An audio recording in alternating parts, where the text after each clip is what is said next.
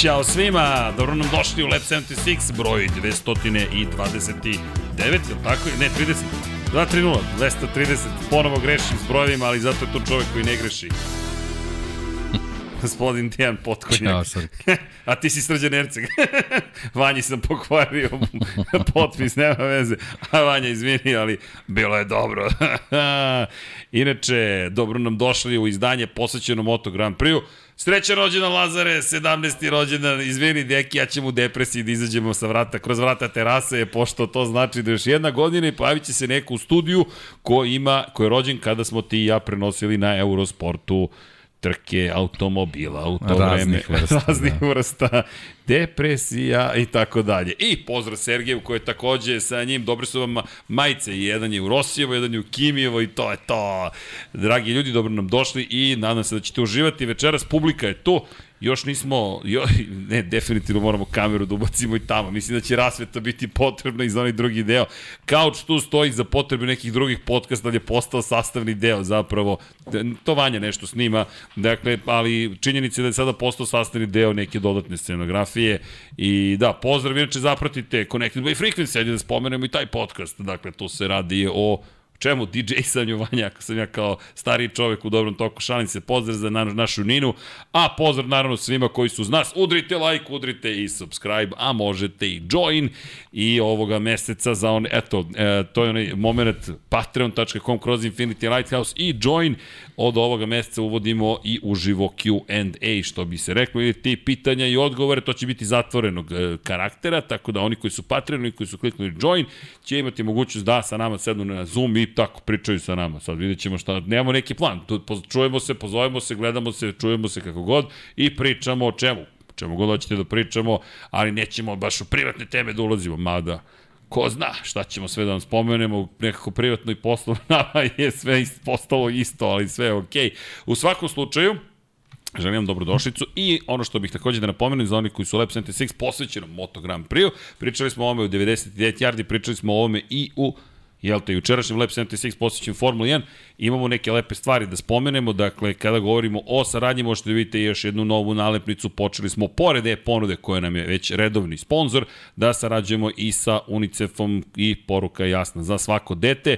Inače, jedna od stvari koju ćemo raditi jeste svakako i priča o tome da možete da pomognete kroz SMS-ove. Mi inače se trudimo da spomenemo sve moguće ljude za koje znamo da rade određene stvari na određeni način, pa smo tako pričali, na primjer, i o čuvenom broju 3030. Pošaljite na bilo koji broj poruku. U slučaju UNICEF-a na 9656 možete da pošaljete ili poruku 200 ili poruku 500, 200 dinara mesečno ili 500 dinara mesečno će vam skidati sa računa to je nešto što eto mi već radimo, nismo ni znali, dakle to je pet godina staro, to, da ne pričam ponovo priče koje sam već pričali, činjenice da smo i sami u tom nekom programu u smislu da nekog smo sreli, ja sam sreo na ulici, rekao je hoćete da uplaćujete, nema problema, 9656 i to se vrti, ali budite oprezni, skidam svakog meseca novac, tako da nije jednokratna pomoć, već traje duže. U svakom slučaju to je nešto što smo krenuli da radimo s unicom, bit će tu još stvari koje ćemo raditi, pogotovo kada je reč o promociji nekih, ajde da kažemo, pozitivnih momenta. Gde god da živite, ovaj telefon je za Srbiju. Sve jedno je ljudi gde živite, možete uraditi nešto dobro. Pomozite komši, pomozite prijatelju, da podelite znanje, snimite YouTube podcast, snimite, ne znam, ja, muziku, ne znam, lazer, uzmi gitar, sviraš nešto? Ne, ajmo da sviramo nešto. Šalim se, čime se baviš? Košar, opa, Vanja, tvoj čovek. O, dobro, a Sergij, ti? Isto. Sa trenerske strane, okej, dakle, dobro, ovde imamo sve pokriveno. Da, e, dolaze vam Luka i Kuzma posle ovoga. Tako da, ako hoćete, bit će tu, pa po to, to imate, da, inače, večeras ćemo oko 23.30 završiti, pa ćemo imati vremena da namestimo studiju i onda kreću Luka i Kuzma u 23.59 pregled, ne znam, nije više kog dana evropskog prvenstva u košarci, ali to ćete već vi bolje da znate nego što ćemo mi znati. Možda mada Deki sve zna, tako da, Deki igra Liverpool večeras? Naravno, deki mi se učutao, utišao se. Nadam se da tamo stvari dobro funkcionišu. Ali, ljudi, nismo ovde ni zbog futbola, nismo ovde ni zbog košarke, ovde smo zbog Moto Grand Prix. No, i dalje hoću kažem s ponosom da smo započeli saradnju sa UNICEF-om, jer to je nešto što je zaista lepo i veliki broj sportista je, jesu ambasadori UNICEF-a i ne samo sportista, već i organizacije. I Moto Grand Prix je sarađivao sa UNICEF-om i Formula 1 i NFL i tako dalje i tako dalje.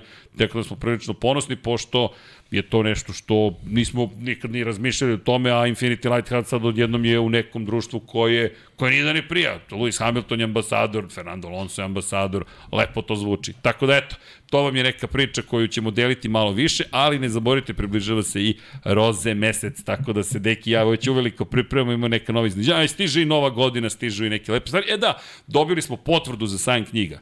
Deki, hala 4 vas čeka, zove vas hala 4, imaćete 4 kvadratna metra na prolazu pored hale 1 i, i 4, imaćete 48 kvadratnih metara u hali 4, idu tamo neki izdavači koji postoje već 15 godina i onda jedan koji postoji godinu i po, a naš glavni autor, bestseller, Dejan Potkonjak. ne, moramo da stavimo na, na listi Infinity Lighthouse-a već dva, dve godine za redom, najbolje prodavan, prodavani autor, Dejan Potkonjak. e, vidi, sve u marketingu, kako prezentuješ stvari, tako da je ponosni smo. Inače, ko želi, knjige su ovde, Sena, Schumacher, gde nam je Kimi, Kimi, mesto nam je, ne, tu, negde je Kimi, neko je uzo Kimija i to je naravno, a Kimi ima majicu ovde. Da ne, ša, pokaži ranac. Šalim se, naravno. Loše šale ne izlaze iz mode. Elem, dobro smo raspoloženi, zašto? Pa zato što smo imali spektakularne trke. Formula 1 bila na nivou, ali Moto Grand Prix, ljudi, je bio na jednom, ups, uh, uh, veselje, je bio na jednom posebnom nivou. I ja obožavam trke, ja mislim da je to dosta jasno, ali Moto trojke, deki, pa Moto dvojke, pa Moto Grand Prix, pa čak i Moto E, sve sa italijanima u bici za poslednju pobedu na e, Energiki, jesu bile spektakularne. Odavno ne pamtim, znam koliko ljudi mi je pisalo, čak i ljudi koji su u tugu u trkanju, kakvo trkanje, jer mi smo zaista imali trkanje, to je ono što najviše volimo, dajte nam trkanje ljudi, pusti politiku, pusti priče, pusti sve ostalo, korporacije i sve ostalo, daj nam trkanje. I to smo i dobili, istorija za Francesca Peka Banjaju, naravno da krećemo njega, ne brinite, pričat ćemo o smeni generacija koja se definitivno desilo, pričat ćemo o poslednjem Markezijancu, tako smo ga nazvali, zašto? Pa Kažu nije vanzemaljac, ali došao je odmah uz eru vanzemaljaca. Vozi kao vanzemaljac. Ok, ako nije vanzemaljac, onda iz neke svoje galaksije. Markezijanac, koji i dalje tu, vratio se na testiranja, juče, danas je bilo fenomenalno i dalje u Mizanu. Pored trkanja, imali smo i testiranja i Andredović Joze svoje poslednje krugove na Moto Grand Prix, ne znam da li je to ironija ili to savršen kraj zapravo jedne karijere bogate, zapravo imao u utorak pre podne kada je 39 krugova za potrebe testiranja zapravo ne samo motocikla već i novih odela završio posao, sišao s motora, nonšalantno ušao u garažu i to bi bilo to. Tako da sve što se dešavalo, I za kraj priče, da, Marquez se pojavio na stazi ova dva dana i u oba dana bio najbrži vozač Honda. O ironiju. To je to. To je to. idemo. That's it, idemo. Ali krećemo od Francesca Banjaje. Deki, ne znam da li je trka veći junak ili Francesco Banjaja. Moramo s njim zato što četvrta pobjeda za redom niko u istoriji sporta koji od 1949. zvanično postoji, od 2003. se Ducati zvanično takmiča u šampionatu, nije na tom motociklu zabeleži četiri pobjede. Lazar se nije rodio još. Lazar se nije... Ček, Sergij, koji si ti god? 98. Wow, ti, pa kako to pre, prevelika razlika. Ali Lazar je imao 5 godina kada je Ducati ušao u, da, Sergej je imao 5 godina kada je ušao u šampionat Ducati, čak ni Casey Stoner, jedini šampion u istoriji na Ducatiju nije imao četiri pobjede za redom na motociklu. Zaista, jedno, ne, jedna neverovatna informacija da je neko novi rekorde za Ducati po bilo čemu, a ne zove se i preziva Casey Stoner. Meni je to, i, i dalje mi je to jedan od najvećih utisaka, iako trkanje je bilo toliko električno i vatreno, da je odmah tu za, za promil ispod onoga što je Peko postigao. Pa kao što si rekao, ne znam da li, je, da, li da, da ovaj, glorifikujemo trku ili njegovo dostignuće, ali moramo jednostavno da mu odamo priznanje na, da. na, na ovim trkama koje vozi u poslednje vreme i naravno da ga kritikujemo kako je moguće da sa četiri vezane pobjede ti nisi prvi u, ne, u nisi prvi, imaš 30 pojena manje prvo plasiranog. ali dobro. Šest je, ukupno ove sezone. Da, to je pazi. nešto za analizu, ali stvarno, mislim, ove, ove četiri poslednje trke uradio sve, sve što je trebalo da, da bude tu sad gde jeste i da ponovo probudi te šampionske ambicije.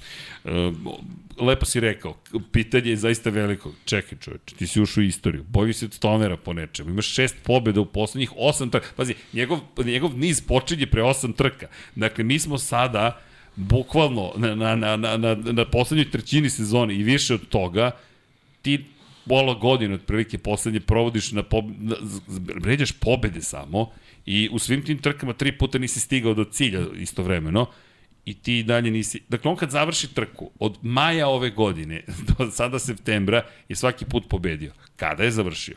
I tri puta nije završio. Jednom je sam izleteo, jednom ga izbacio Takaki na Kagami i još jednom je sam izleteo. Padovi u Francuskoj i Nemačkoj i incident u Kataloniji. Sve ostalo su samo pobede. Dakle, samo pobede. Mi pričamo o pobedi u Muđelu, pobedi u Herezu, pobedi u Asenu, pobedi u Silverstonu, pobedi na Red Bull ringu, pobedi u Mizanu. Pri čemu biraj stazu, hoćeš sporu, brzu, kratku, dugu. Upravo to, to je, to je vrednost ostvari tih dostignuća. Različite staze, čak i neke ovaj, od, od onih koje navodno nisu Ducatijeve.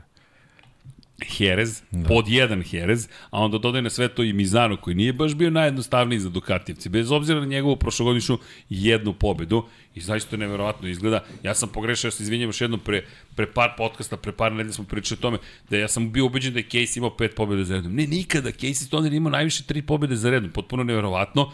I onda pogledaš Banjaju, četiri pobede, ljudi, to je toliko redko, ponovo ću da otvorim istorijske knjige, a pritom, pobedu zabeleži sa 34.000 tinke prednosti protiv čoveka za koga sam ja bio siguran da će pobediti. Promašio sam za 34.000 tinke. Enea Bastianinija, koji je na onom prelepom Ducatiju iz 1987. Mod, nije model, već dezenu iz 1987. izgledao zaista kao neki super heroj koji je prošao neku vremensku kapiju, Stargate neki, i došao i rekao, ja sam došao da se trkam, ko si sad ti? Ja sam Fausto Gresini. Ne, nisi, ti si ne Bastianini, ali izgledaš kao Fausto Gresini. U bojama čoveka koji je osnovao tim za koji vozi i mala greška, mala greška, četvrta krivira i to se već, već sam tu znao, rekao, au, Enea, ali pohvale Peku, nije popustio pod pritiskom, čak nije neinim i popravlja se. Popravlja, popravlja se. se. A pogledaj ovo. Ovo je fenomenalno. Brate pažnju na vremena. Dakle, ovo je po meni tempirana trka. Kad te pritisne Enea. Kad te... Pogledajte vremena kad te pritisne Enea. Pogledajte ti ovo. Ti si krenuo 1.33.2, 3.0, 2.9, 2.7, 2.6, 2.8, 2.9, 2-5, 2-6, 2-5, 2-5, 2-5, 2-4, 2-4, 2-3, 2-2, 2-2, 2-0, 2-1, 2-3, 2-2, 2-1, 1-9, 2-1, 2-0, 1-9. Ti čekaj, pojačavaš tempo. Bukvalno, je promenjeno trkanje. Ti sada, ne, ne, štedim gume, štedim gume, štedim gume, štedim gume, štedim gume. Sad u napad, sad u napad, još i tu, sad u napad, sad još i tu, malo uspori. Ajmo ponovo i za kraj, ajmo sad pun gas. Pazi, oni imaju dva kruga ispod 1.32 na kraju. Oni su vozili rekordna vreme, oni su vozili najbrže krugove na kraju trke i, i meni je ono bilo fenomenalna trka. Još pored svega, ti imaš Maverika Vinjalesa. Čekaj, Maveriče. Najzad, da ne, sada već zaslužuje, da sada već možemo da ga ozbiljno hvalimo. I to je onaj Maverick kog smo mi preželjkivali. Zašto smo ga kritikovali? Zbog ovoga. Zato što verujemo da je za ovo sposoban, a onda gledamo čoveka koji kuka, žali se, uništava motore, ali Aprilija kao pre... preporađenju Aprili definitivno. To je, to je sad, sad, sad da. je tako i posebno kad dođe staza koja mu odgovara, nema šta, on, on je uvek kandidat za, za podijum, definitivno. E, sad je već, da, ozbiljan kandidat i pritom na italijanskom motociklu, na italijanskom tlu, najveći problem Aprilije sada ima zapravo upravo u tome što je on sada najbolji vozač Aprilije. I sad Aleš Espargaro počinje polako da...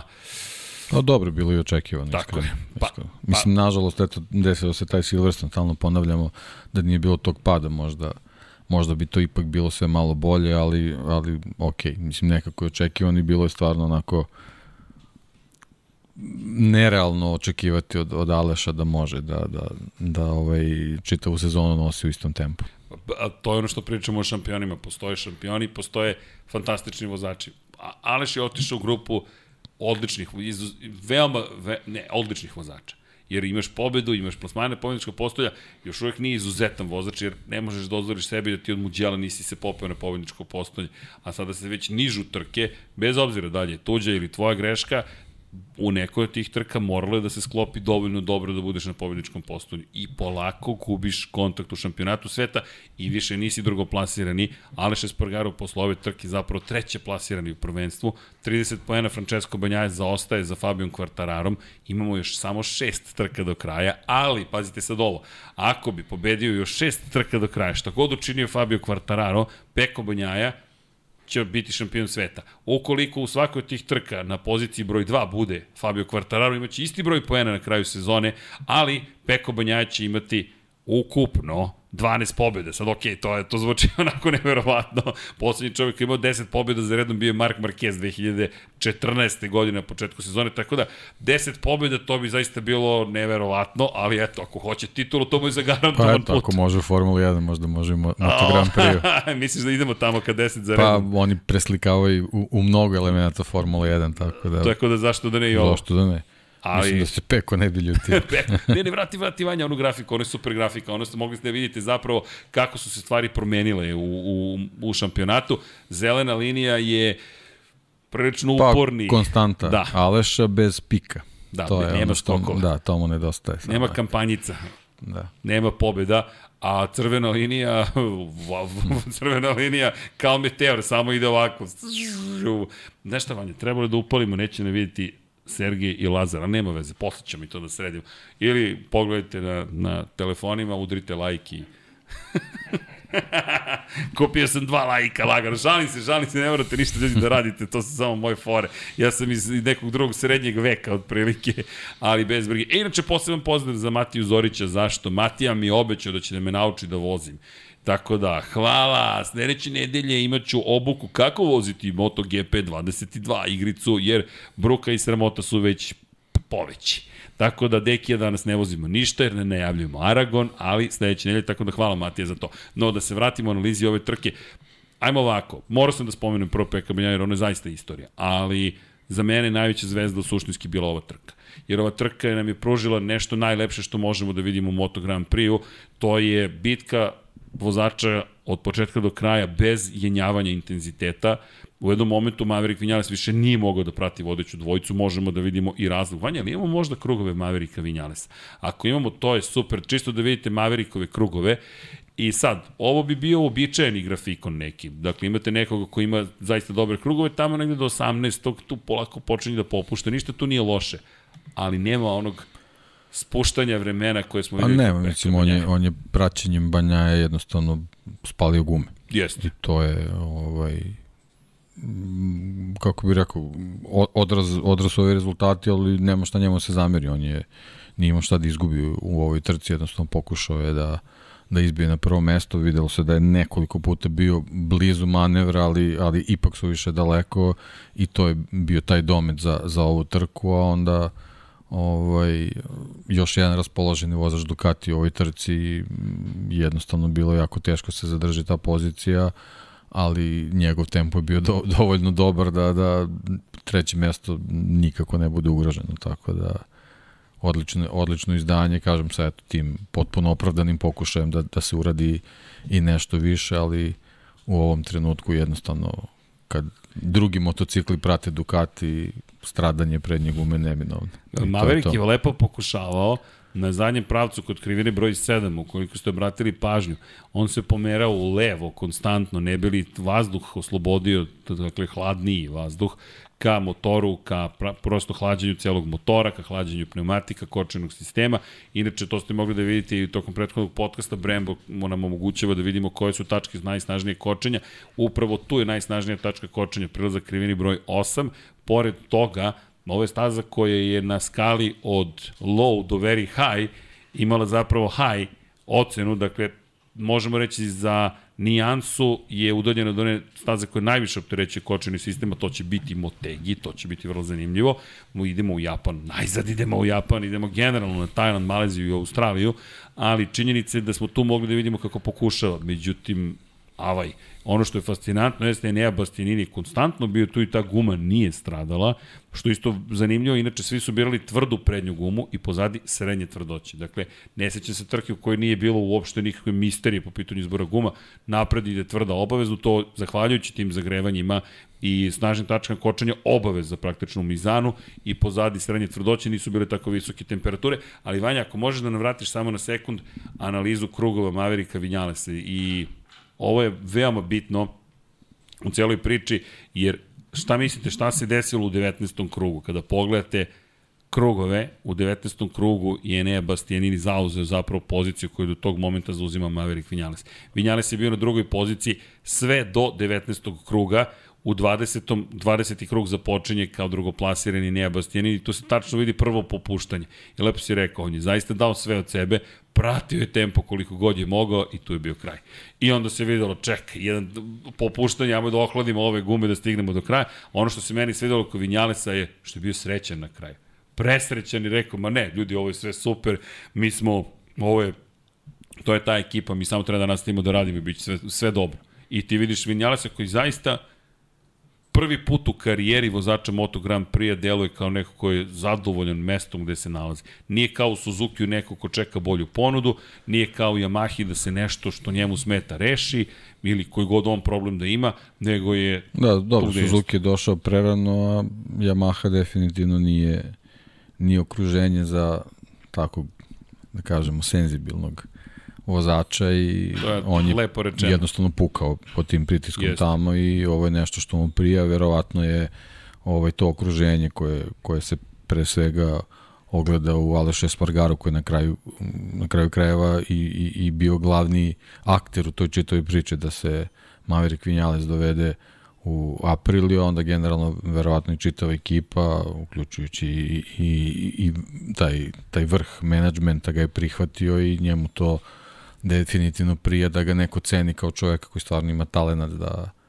da ovaj, ostvari vrhunske performanse kad je kad je ovaj u, u ovaj u dobroj korelaciji sa sa motociklom a Aprilija vidimo iz trke u trku sve bolje i bolje tako da nema razloga da da i on mislim i Aleš jednostavno ne ne ne pružaju te ta, ta, ta vrhunska izdanja. samo što, da, samo što je to Aleš se malo, malo već i potrošio, tako da o, ipak je ovo jako duga sezona, tako da nije ono, ono baš nije, nije u cvetu mladosti što se, što se tiče ovaj, njegovog izdanja, ali generalno Aprilija mnogo, mnogo bolja recimo nego neke, ako već poredimo neke, neke performanse KTM-a od prošle godine, iako je tu bilo i više pobjede čak.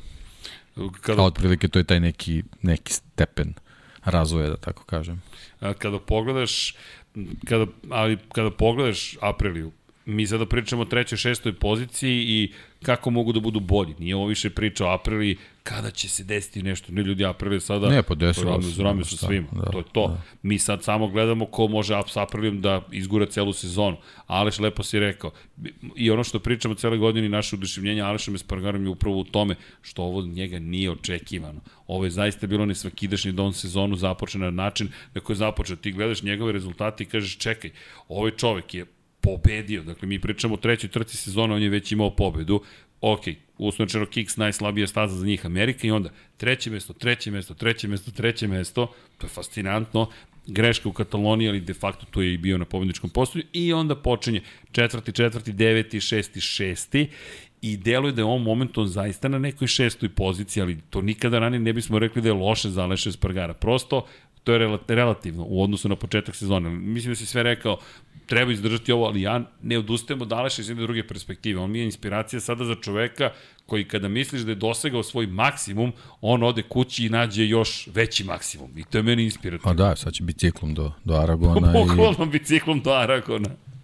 Dobro, jedno što je to dolazi staza možda koja obojici nije baš I, među favoritima, pa da, vidjet ćemo Aleš... da li to može da se napravi iskorak. Da, da, Aleš možda u Aragonu može, zašto? Aleš, Maverick, Fabio, svi moraju pravi iskorak u Aragonu. To, to, to, to, to, to, to, Aragon je... Nemaju izbora, da. Pazi, da. Peku ovo dolazi, ali tačno ono što smo pričali.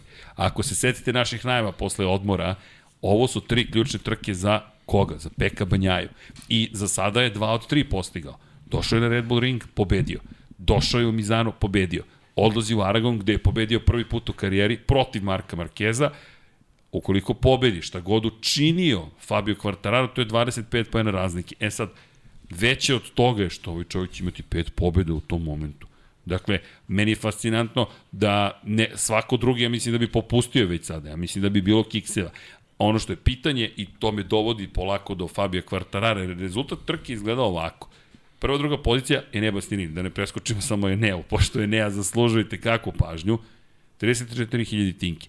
Treća pozicija 4,2 sekunde za ostatka. Peta pozicija, to je četvrti je inače bio Luka Marini, dakle treće mesto 4 sekunde, 5,2 sekunde Luka Marini zaostajao za vodećima, malo više od sekunde u odnosu na Vinjalesa. Pohvale sve za Luku Marinija, ovo je njegov opet najbolji plasman. Luka sve češće u trci. Rešio probleme u kvalifikacijama i još važnije, za razliku od Argentine gdje je bio dobar u kvalifikacijama, u trci Luka sada zna da čuva gume. Tako da ja čekam njega uskoro na pobedničkom postolju i onda dolazi Fabio Quartararo 5,7 sekundi za ostatke. I prvo bih se pozabio Fabio Quartararom, ne Neom Bastianinim, zato što je vodeći u šampionatu sveta. I to je ona najveća bitka. Šta mi je zanimljivo, Deki? U momentu kada se oslobodio, uslovno rečeno, oslobodio u ovoj situaciji Aleša Espargara, da nije iza Aleša koji je napravio malu grešku i bio vrlo agresivan Fabio, nije mogao da smanji razliku odnosu na Ducati. Bio sam ubeđen da u tom trenutku zaostaje 8 desetinki, će se približiti na desetinku dve i biti uz njih. Nijednog momenta nije spustio ispod 6,5 desetinki za ostatka. Imamo vremena Fabio Quartarara, molim te. Dakle, Fabio prvi put ove sezone nije izgledao kao čovjek koji ima problem s preticanjem, nego kao čovjek koji ne može da sustigne Ducati. Ništa spektakularno ne vidimo na ovom mestu. I ti kada pogledaš analizu krugova, Fabio Quartararo je pretekao u petom krugu Aleša, u šestom krugu, zapravo šesti je započeo, dakle u petom krugu je pretekao Aleša Espargara, rezultati su ostali isti. Ako možda nam baciš sad Peka Banjaju, molim te, ili je Neo Bastianini, ja cenim da su preslikani krugovi, vidjet ćemo razliku. Vidjet ćemo razliku u tome da su oni nastavili, pazi, to su nijanse, ali Bastianini je nastavio da vozi, evo, od kog petog kruga idu, idu. Možda vratiš Fabio Quartarara, molim te. Čisto da vidimo ozbiljne razlike. Dakle, Fabio, ajmo od osmog kruga. 2-7, 2-6, 2-5, 2-5, 2-5, 2-5 i onda 2-7. Ajdem sada je Eneo Bastianini, od osmog kruga. 2-7, 2-6, 2-6, 2-5, 2-4, 2-4, 2-4, 2-4. To su desetinku po desetinku. Ljudi, mi pričamo o, o, o, o čemu? O, o igri desetinki na, u trci MotoGP-a. I onda ide 1.32.7 i ajde da nam vrati 17. krug. Pogledajte Fabio u 17. krugu. 1.32.4, onda 1.33.4, a umeđu vremenu Enea i Banjaja 1.31.8. To je najbrži krug trke bio. Ne, on je u poslednje vozio najbrži za par hiljadi tinki. 1.30... Ne možeš da ih pratiš. Ali nije pojenta samo u tome, jer imamo slučajno Luku Marinija. Ne znam da li Luku Marinija. Inače, hvala Dragoju Stanišiću za fenomenalno uvek. E, pogledaj Luku. Luka koji je tu negde, 17. krug 1.32.1. Pa otprilike do nekog 13. 14. su malte ne se imali isti, isti tempo. To je to. Da. I onda polovina trke i počinju problemi. Bukvalno polovina trke. Luka Marini ne može da pojača tempo, Fabio Quartararo ne može da pojača tempo, ali ne može u odnosu na Marini, on jednom trenutku zaostaje sekund i po za Marinijem, dakle nema pregrevanja gume. Ti imaš slobodan put ispred sebe, ti ne možeš da smanjiš vreme. I mislim da to mnogo više treba da zabrinjeva Yamahu nego loše kvalifikacije koje su se inače desile u nekim kišnom periodu, aj tako da kažeš. Jer počela pa, dobro, ovo je možda bio neki, neki kompletan splet okolnosti, ovaj, potpuno pogođene gume, idealno vreme za vožnju, ako su bile najave da, da, da nas čeka i kiša i tako dalje i tako dalje. I onda naravno italijani koji mi zano voze žmurečki. I onda, znaš, kad imaš trojicu da, raspoloženih da, to to. italijana, onda, onda je stvarno, stvarno teško da, da uopšte može da se izdvojiš od, od njih, a generalno indikativno ovo što smo videli da, da su u prvoj polovini trke, trke svi, svi vozači koji su bili u vrhu malte ne vozili identična vremena i onda u jednom trenutku kreće, kreće taj pad, u stvari kreće, kreće povećavanje tempa vodećih koji ostali jednostavno ne mogu da prate. Marini i Quartararo ne mogu da, da poboljšaju svoj tempo, a s druge strane Vinjales odustaje zbog jednostavno pneumatika koji ne mogu da, da izdrže taj pritisak. Tako da ovaj, to, je, to je ono što je karakterisalo to, taj, da kažemo, rasplet te trke što se tiče tih nekih top 5 pozicija, je sad na njima je da izanaliziraju zašto je tako bilo i, i jednostavno se nadaju da, da takvo nešto se neće ponoviti u Aragonu uz jako, jako važnu stvar da ono što sam već rekao jednostavno moraju da podignu igricu na više nivo što se tiče Aragona, jer do sad Fabio tamo stvarno kad ode ovaj, je potpuno drugačija osoba iz nekog razloga. I on je Tako sam da, rekao da mu to najmanje da, staza koja mu najmanje da, prije. Jer on je, on je zbog nekih ranijih šampionata kojima vozio imao često priliku da bude Aragon, znači nije, nije staza koju slabije poznaje od ostalih ili, ili nešto slično, nego jednostavno iz nekog razloga mu ne leži i, i to je ono što mora da promeni, kao što napreduje ovaj, u vožnji po kiši, tako jednostavno mora da napreduje u vožnji po Aragonu. Inače, kad pričaš o napredku, pazi sad ovo, situacija sa Kvabijom Kvartararom u poslednje četiri trke. U poslednje četiri trke ukupno, ukupno 39 pojena je osvojio u tom periodu je 100 poena osvojio Francesco Banjaja. To je besmislena razlika. Mi smo pričali posle Nemačke, druga pobjeda za redom, ideš u Holandiju, odgovara ti staza, sve ti se on manje više otvara, tvoje sad da završiš posao, Peko, tad smo već rekli, ne vidimo kako Peko može da se vrati u tijelu pa priču. Pa ko je očekivao taj niz pobjede? Upravo zbog te istorije. Ja nisam, apsolutno, da. pogotovo posle pada u Nemačkoj, gde on pada u momentu kada zapravo je pod pritiskom Fabio Quartarara. Razlike... I pri tom, izvini, čisto da, da ne najavljujemo sledeću trku, dolazi staza na kojoj je Fabio već jednu titulu izgubio. Do 2020. kada je pao i povredio se i onda smo videli ono silazak ni stepenici i ti ja pamtimo taj kadar, ti ga često spominješ gde ti vidiš da njemu nije prijetno. Apsolutno nije prijetno, a pazi sad ovo. U momentu kada se završila velika nagrada Nemačke, Fabio Quartararo ima 34 poena prednosti u odnosu na, PKB, u odnosu na prostite Aleša Espargara. U ovom momentu on ima 33 poena prednosti u odnosu na Aleša Espargara. Dakle, Aleša Espargara je osvojio poen više u poslednje četiri trke u odnosu na Fabio Quartarara. Poen više je osvojio Aleš Espargara. S druge strane, Joan Zarko je bio treći u prvenstvu. 61 poen za ostatka. Enea Bastianin je zaostao 72 poena. Brad Binder je bio peti u prvenstvu, zaostao 90 poena. Francesco Banjaj i Jack Miller su imali isti broj poena, 81, i zaostajali po 91 poen u odnosu na vodećeg. U ovom trenutku 30 poena je za ostatak Francesca Banjaje i ti gledaš i kao čekaj malo, je li ovo isti šampionat o kojem mi pričamo? Banjaje ima 181 poen. Jack Miller inače ima 123. Nije da je Jack Miller loše vozio među vremenu. Ok, ova trka je nešto drugo, izletao sa staze u momentu kada mu to zaista nije trebalo sa vodeće pozicije, ali mi pričamo o tome da je Jack Miller zapravo u toj cijeloj priči uz dobre trke bio izjednačen sa Banjam, mi sad o tome uopšte ne razmišljamo. Enea Bastianini, inače, koji je zaostajao u tom momentu 72 poena, sada zaostaje 73 poena. Dakle, Aleš Espargara je nadoknadio poen u odnosu na Kvartarara, Enea je izgubio 1 poen, a ovaj čovjek je nadoknadio 61 pričati o naletu i sad kao, da li će 5 poena nadoknaditi. Uz loš Aragon, on može da nadoknadi, samo sad je nadoknadio u ovoj trci 14 poena odnosu na Fabio. Baš je dramatično, ako gledam, rekao, ok, jer ako se desi još jedna situacija ovoga tipa, to je to. Mi imamo potpuno otvoren šampionat. A posle toga kreće veliko nepoznato. Idemo u Japan. Pri čemu znamo koliko Ducati leži Japan. Motegi kao da je neko pravio za Ducati. Niski stepeni prenosa, pun gas, ubrzanje, snažno kočenje i to Mickey Mouse staze, kako ih zovu, bukvalno. I ideš pravo, pun, puno kočenja da skreneš malo, opet iz drugog stepena prenosa pun gas. To su prolaz prve dve, tri krivine, manje više sve pisano za Ducati i onda ono spuštanje ka 11. krivini i to će biti ozbiljnih problema ok, da ne žurim do Japana, nismo još ni Aragon obavili, ali čisto da konstatujemo koliko... Ne, Aragon će biti mnogo bitan u smislu ovaj, rezultata koje će ostvariti Fabio Quartararo. Najvažniji, bukvalno. I naravno, Peko mora da završi ovaj krug. Mora da završi ovaj ciklus. Mora da zabeleži, ako ne petu pobedu, da bude ispred Quartarara i na pobedničkom postolju. Mada ja mislim da je ovde samo razmišljanje o pobedi.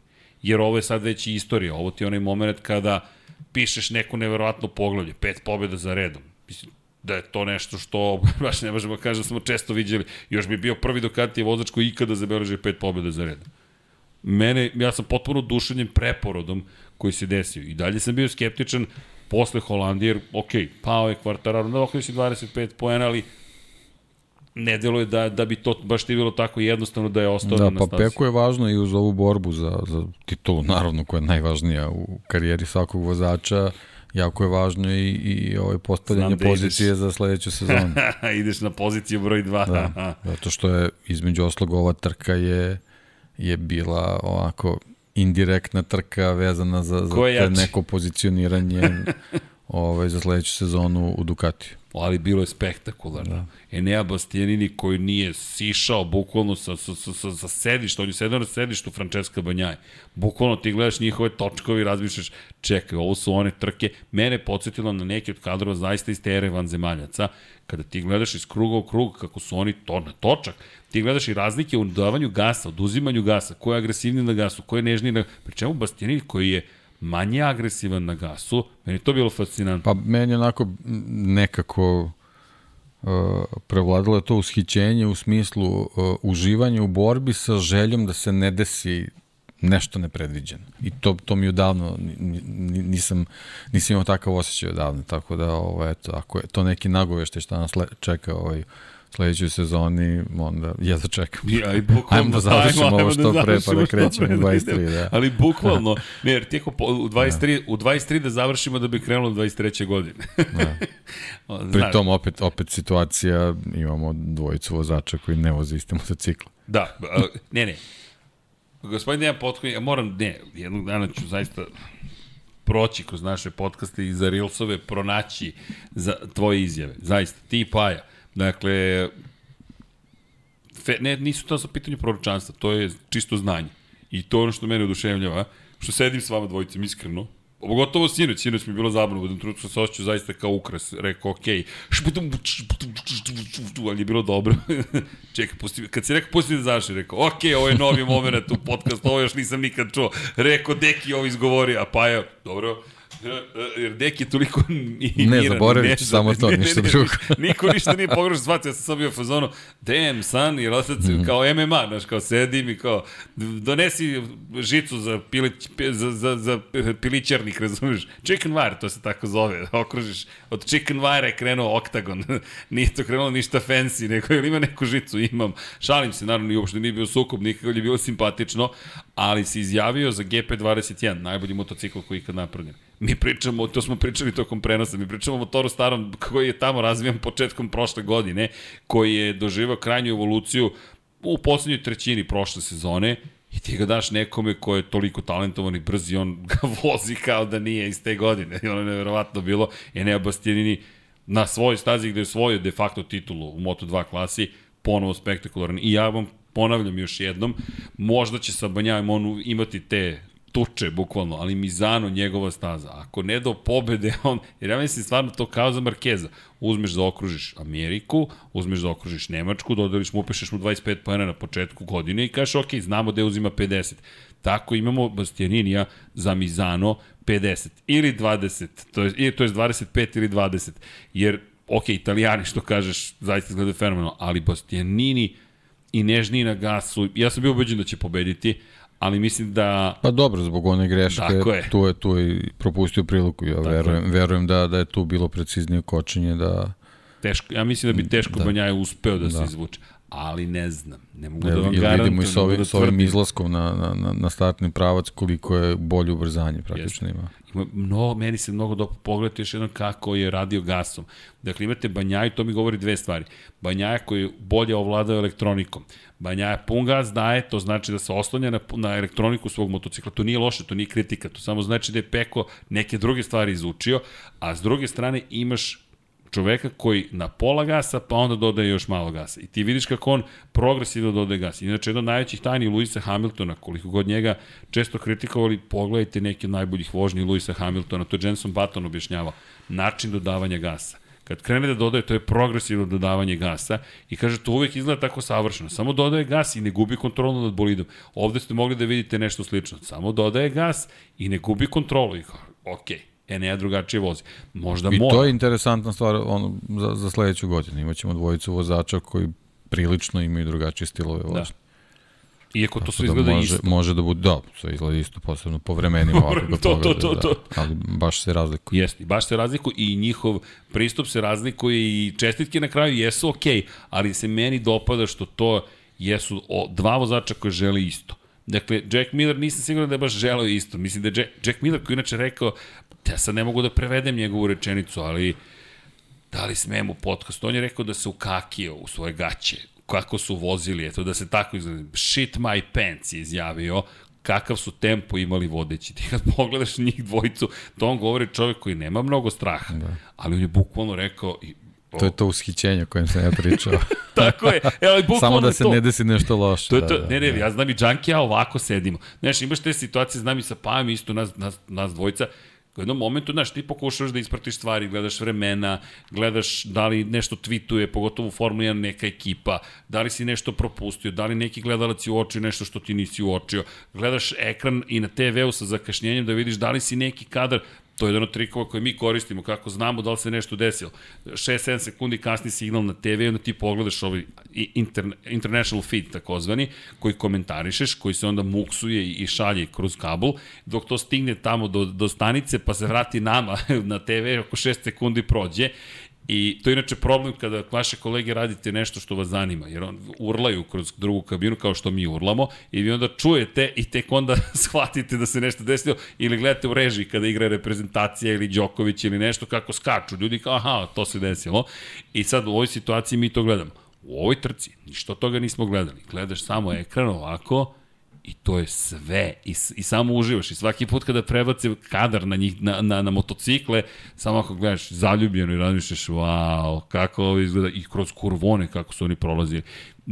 Mnogi me ljudi pitaju gde da sednu, ja moram da promenim mišljenje. Mislim da treba sedeti u kurvone i nigde više u Mizanu i samo gledati šta oni ljudi rade. Jer to je, da, to je delić sekunde, ali to je onaj delić sekunde kada oni svako, bum, prođe onuda i kažeš ok, i pritom tu u nastavku tih krivina je Kvartararo prošao fenomen pored Aleša Espargara. Tamo nema ne hrabrih, tamo samo ima još hrabrih, ali Jack Miller koji je zaista bio duševljen.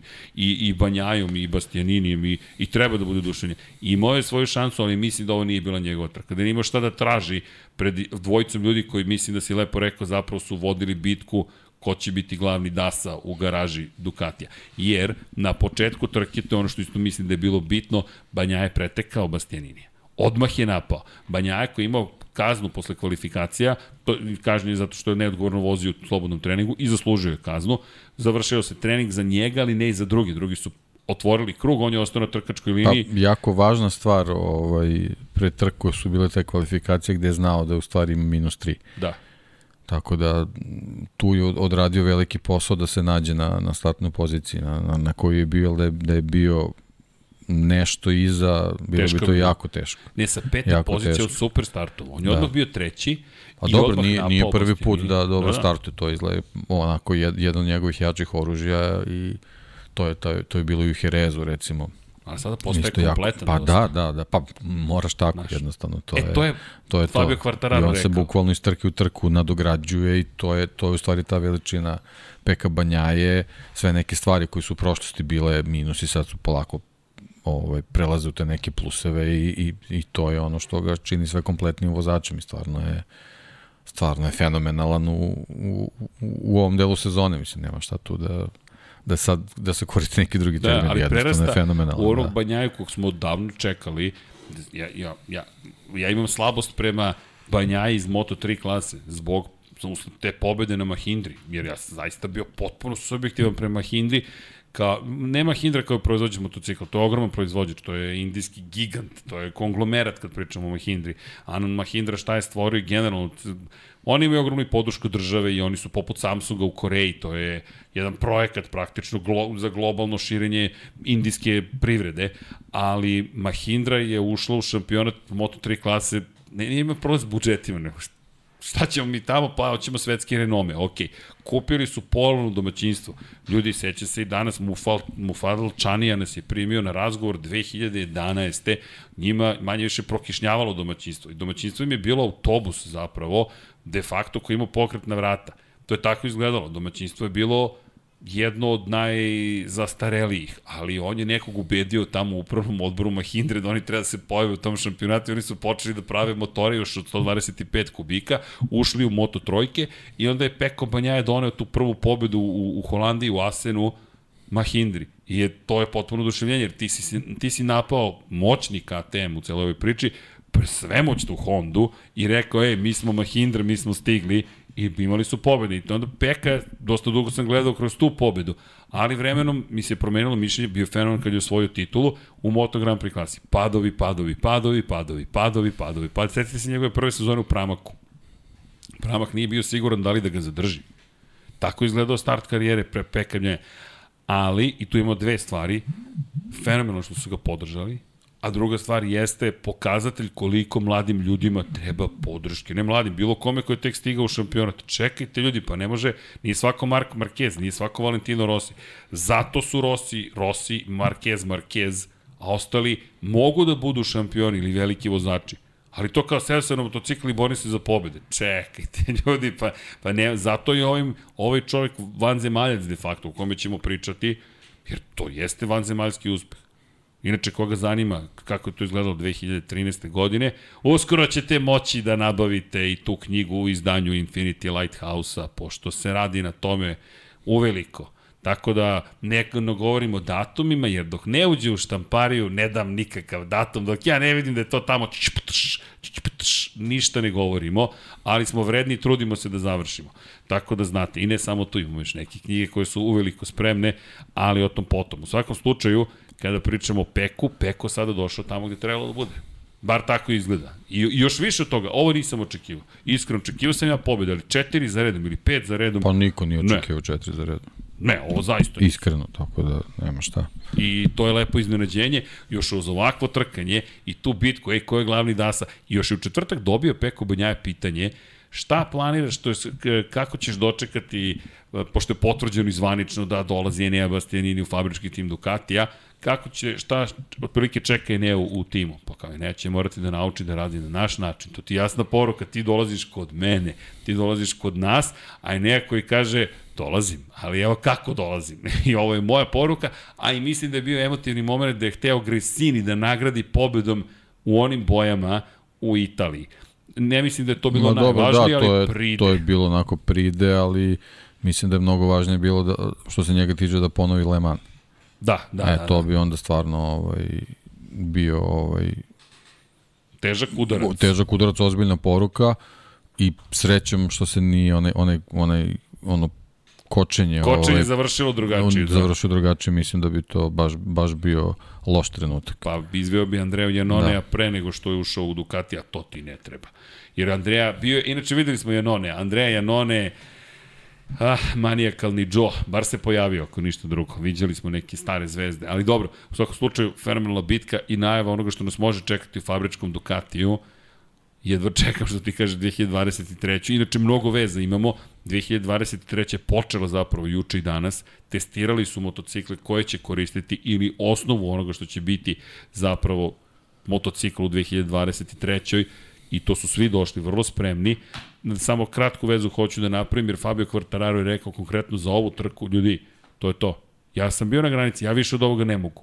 Nije on rekao, imao sam problem sa gumama, imao sam problem sa motorom. Ne, to je to. Sa ovim motociklom i sa njim za upravljačem, to je bio maksimum. To je to vreme kruga. To je to. Da, ne može brže. I ti pogledaš njegove krugove, to je sve, to je sve dobro, ali nije fenomenalno. Nije vatreni krug kao što su ih vozili Dukatijevci. Prosto nije. I ne samo on. Ni, ni očigledno ni Vinjales nije mogao to. Dobro, Vinjales iz razloga što je, da, da. ali Luka Marini recimo isto, eto, nema, nema ubrzanja, što znači da ova dvojica stvarno imaju nešto u rukavu što se, što se ovaj rešava u finišu u finišu trke s tim što eto i tu se pokazuju neki različiti stilovi. Banja je praktično od početka Da. Jako je važno da, da bude na, na prvoj poziciji, da od početka diktira svoj tempo, dok Enea ima neki pristup da postepeno kroz, kroz trku dolazi, dolazi do te pozicije. E sad vidjet ćemo kad dođu sledeću sezonu taktika. na iste, na, na iste uslove ovaj, kako će ovaj kako će to da se odrazi na vožnju jednog ili drugog i ono što isto interesantno sad pokušao onako da da ovaj se vratim u prošlost, mislim da Ducati ono što će imati sledeće sezone nije imao nikad u svojoj garaži. Ja mislim da nije.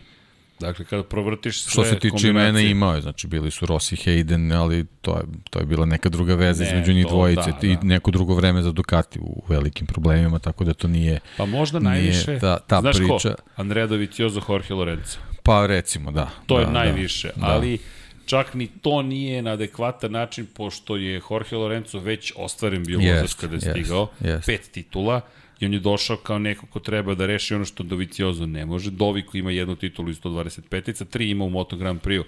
Jorge Lorenzo dve ima u 250 kubika. Ono što je tu bila pozadina njihove netrpeljivosti jesu pregotovo sezone u 250 jer tu je Lorenzo potukao do nogu Andreja Dovicioza, Andreja koji je bio veran Hondi, koja je zaostajala, faktički je zaostajala, ali Lorenzo bio neprikosnoven na 250, baš mu je ležao taj motocikl.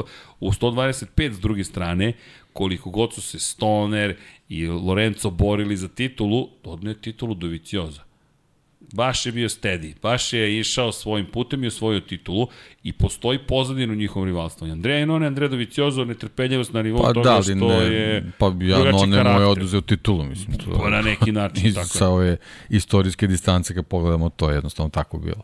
Da.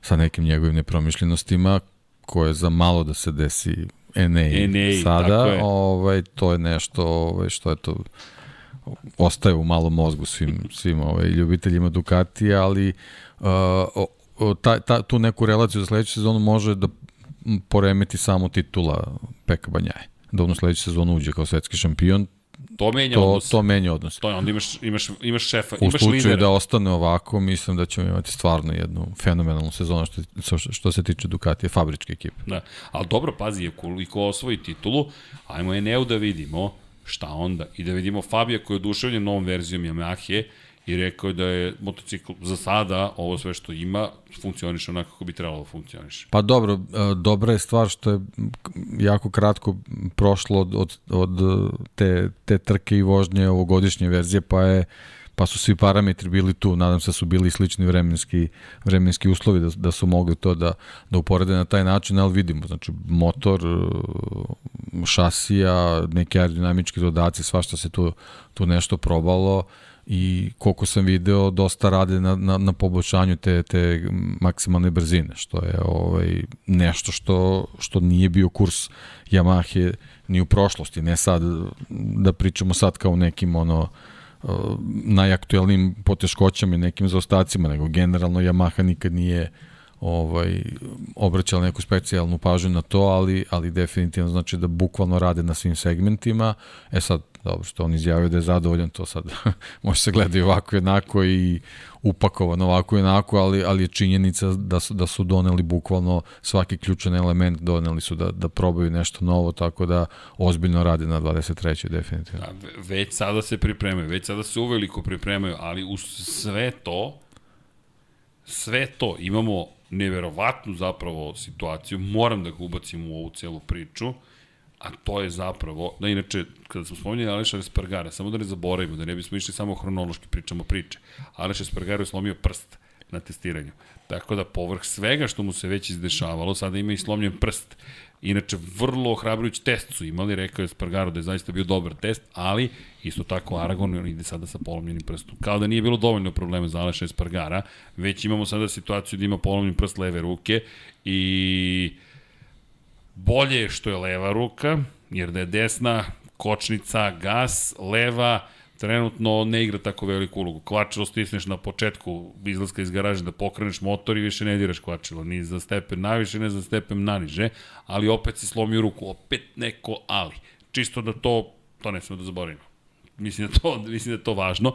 I ono što je isto pitanje jeste, a to je da u celoj ovoj priči se pojavio Mark Marquez i Mark Marquez koji je rekao da, trenutno više prolazim kroz bolove nego što sam radostan, ali ono što je suštinska razlika, njegov osmeh, njegovo raspoloženje i pored toga, informacija da kosti stoje na svom mestu na kojem treba da budu, sad samo treba izgraditi mišiće, je deo nečega što je normalni proces kada ste bili povređeni i morate da vratite prosto ne samo mišićnu masu, masu, masu, tako masu. je. I on Ti mora... mišići su prazni trenutno, nema, no, potpuno atrofija. Njima, da. Po jednom momentu seti se, on nije mogao da digne ruku, seti se proslava dok gledaju televizor, ovako je stajala ruka. Sad govorimo o čoveku koji najnormalnije koristi ruku, pokretljivosti u potpunosti vraćena i koji ima vrlo ozbiljan test.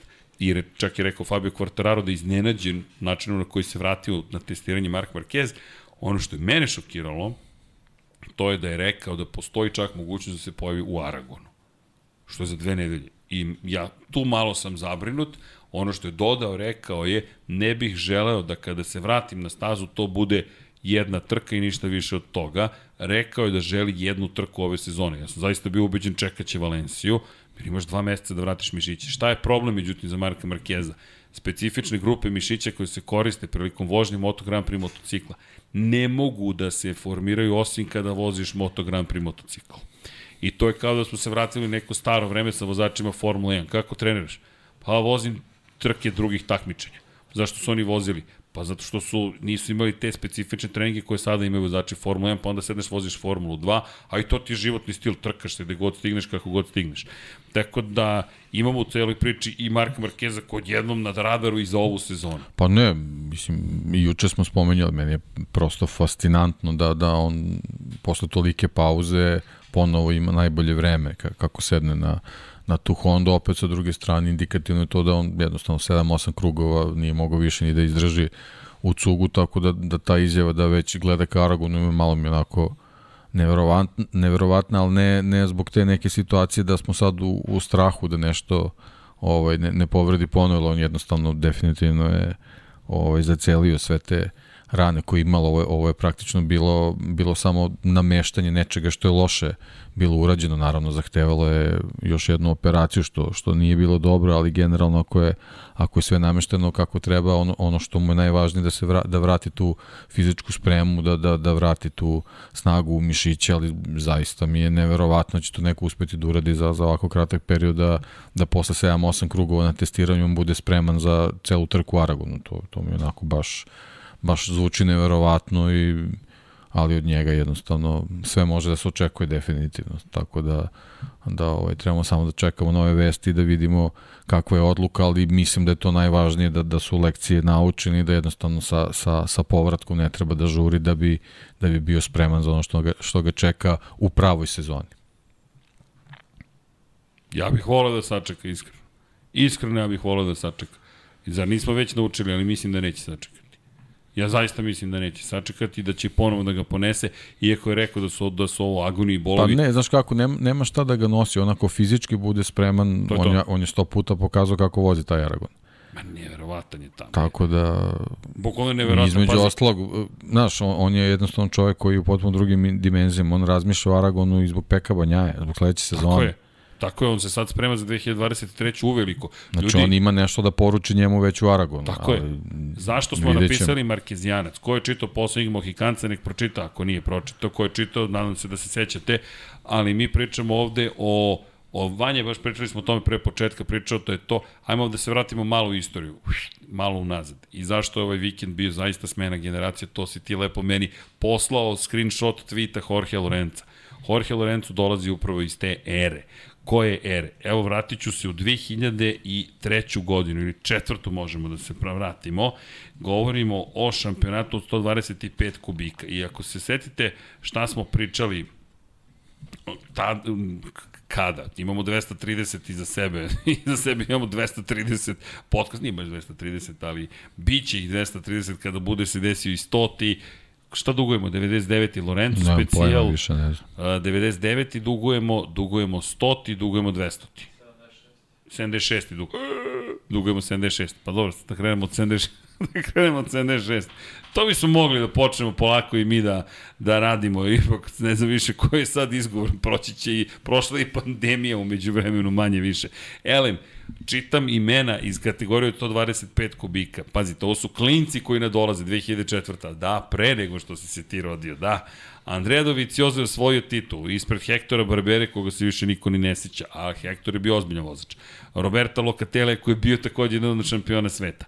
Jorge Lorenzo je tu, Casey Stoner, koji je svoje dve titule, jednu s Ducatijem, jednu s Hondom u Moto Grand Prix-u. Znate ko je tu još? Pablo Nieto. Ako ne znate ko je Pablo Nieto, to je čovjek koji je bio šesti u šampionatu sveta te godine, danas je šef ekipe VR46. To je on isti Pablo Nieto što istrči i hvata se za glavu kada mu padaju vozači u Moto2 kategoriji, ali ista scena dva puta, ne rekao, pašće depresiju čovek, ali to je taj Pablo Nieto. Zatim imate Stiva Jenknera, nemački vozač, nikoga se nažalost više ne seća, a ne, ispred njega Alvaro Bautista. Gde je Alvaro Bautista danas vozi i bori se za titulu šampiona sveta u Superbajku? To vam je 2004. E sad, samo da vas vratim još malo više u, u, u, u prošlost. U 2004. godini šampion Moto Grand Prix klase je bio Valentino Rossi. U njegovoj, pazite sad ovo, prvoj sezoni na Yamahi. Osvojio je titulu 2003. na Hondi, 2002. na Hondi, 2001. na Hondi. Dakle, mi govorimo u tom trenutku o čoveku koji osvaja šestu titulu šampiona sveta. Dakle, Rossi već ima šestu titulu 2004. I on nije više ni, ne znam, nije, nije pretečan nikako. On je čovek, kralj univerzuma. Dakle, mi govorimo, pročitajte knjigu Topla preporuka, sve njegove trke. Shopta, e, moramo da napravimo, zamoli Petra da napravi shop.infinitylightcast.com i da ovako izleću knjigi da znaju ljudi šta sve imamo u asortimanu, što bi se reklo. Nije asortiman, ljudi, to je naša biblioteka, mi smo potpuno oduševljeni. Kako? Mo, Vanja, kako šta god vas dvojica želite, mogu sa, samo da su knjige i da ih volim. Mogu virtualne knjige da izleću odavde. Kupite Valentina Rosija. To bi Pera verovatno bio i srećan i očajan, ko mi je pomerio kameru. Ali, Valentino Rossi u tom momentu kralj univerzuma, Moto Grand Prix. Šesta titula se osvaja. Ovi ljudi tek dolaze. Dakle, ovi ljudi tek dolaze. Kada pričamo o vanzemaljcima, znate ko je osvojio titulu u 250 kubika te godine? Dani Pedrosa. Dakle, Dovi, koji nije vanzemaljac, je osvojio titulu. Casey Stoner i Jorge Lorenzo nisu uspeli da osvoje titulu, oni će postati vanzemaljci. Jedan je već tu, srebrni, zlatni letač, žuti letač Valentino Rossi i Dani Pedrosa osvoje titulu 250 kubika. Oni su ti koji će par godina kasnije činiti vanzemaljce Moto Grand Prix-a. Mark Marquez u tom momentu nije ni u vrtiću, ja mislim, ali vozi motocikl i sanja da bude šampion sveta, pošto sam rodio 92. Dakle, nije, to je, tada ima već 12 godina. Uf, velik momak. Pritin. Kako? Osnovna školice, tako je, sprema se. On ima sponzora, on od 8 godine ima sponzora. Prvog sponzora ima 8, sa 8 godina. I sprema se polako je sigurno da uđe u svet, u svetski šampionat zapravo u motociklizmu. Vanzemaljci stasavaju, dolazi u momentu kada odustaje od Moto Grand Prix klasi, penzioniše se Casey Stoner u 2012. Na kraju te sezone dolazi Mark Marquez u Moto Grand Prix i mi imamo nekog predudatog vanzemaljca. Ali Vanja je lepo rekao, Mark Marquez je spoj između generacija. Mark Marquez polako počinje da ih skida sve sa vrha zašto? Dani Pedrosa, klubski kolega u prvoj trci, Jorge Lorenzo u trećoj trci, u desetoj čini mi se u Laguna Seca i Valentino Rossi. On hoće da im kaže ja sam stigao, a on je dakle neko ko sada ide ka rezultatima koji ima Valentino Rossi. 85 pobjeda sada ima, ima 8 titula, Rossi ima 9 titula, 115 pobjeda i polako li sigurno odlaze svi ostali u penziju. Odlazi prvo Dani Pedrosa, odlazi Jorge Lorenzo, odlazi Valentino Rossi, a ovog vikenda otišao i Andrea Dovizioso. I zato pričamo o toj smeni generacija koja se desila, a imamo poslednjeg Mohikanca koji ni nije vanzemaljac, nego je neki svoj čovek, a je mora da bude priznat kao vanzemaljac, koji je još uvek tu i sada posle povrede Atomski mrav. Atomski mrav. se vraća na stazu i kaže samo sekund, ja ću sada da vozim, pazite sad ovo, ovo je zvanični rezultat Marka Markeza, može da nam pokažeš najbrži krug trke, na primjer daj nam je Neu Bastianinija, molim te, 1.31.8 je vozio kao poslednji krug trke. Ne govorimo o kvalifikacijama. 1.31.868. Mark Marquez, iako je bio tek 13. na kraju testiranja, 1.31.642. 1.31.642. Dve desetinke brže od ovoga što je vozio Nebastjanini. Besmisleno. Najbrži inače bio Fabio Quartararo 1.31.054.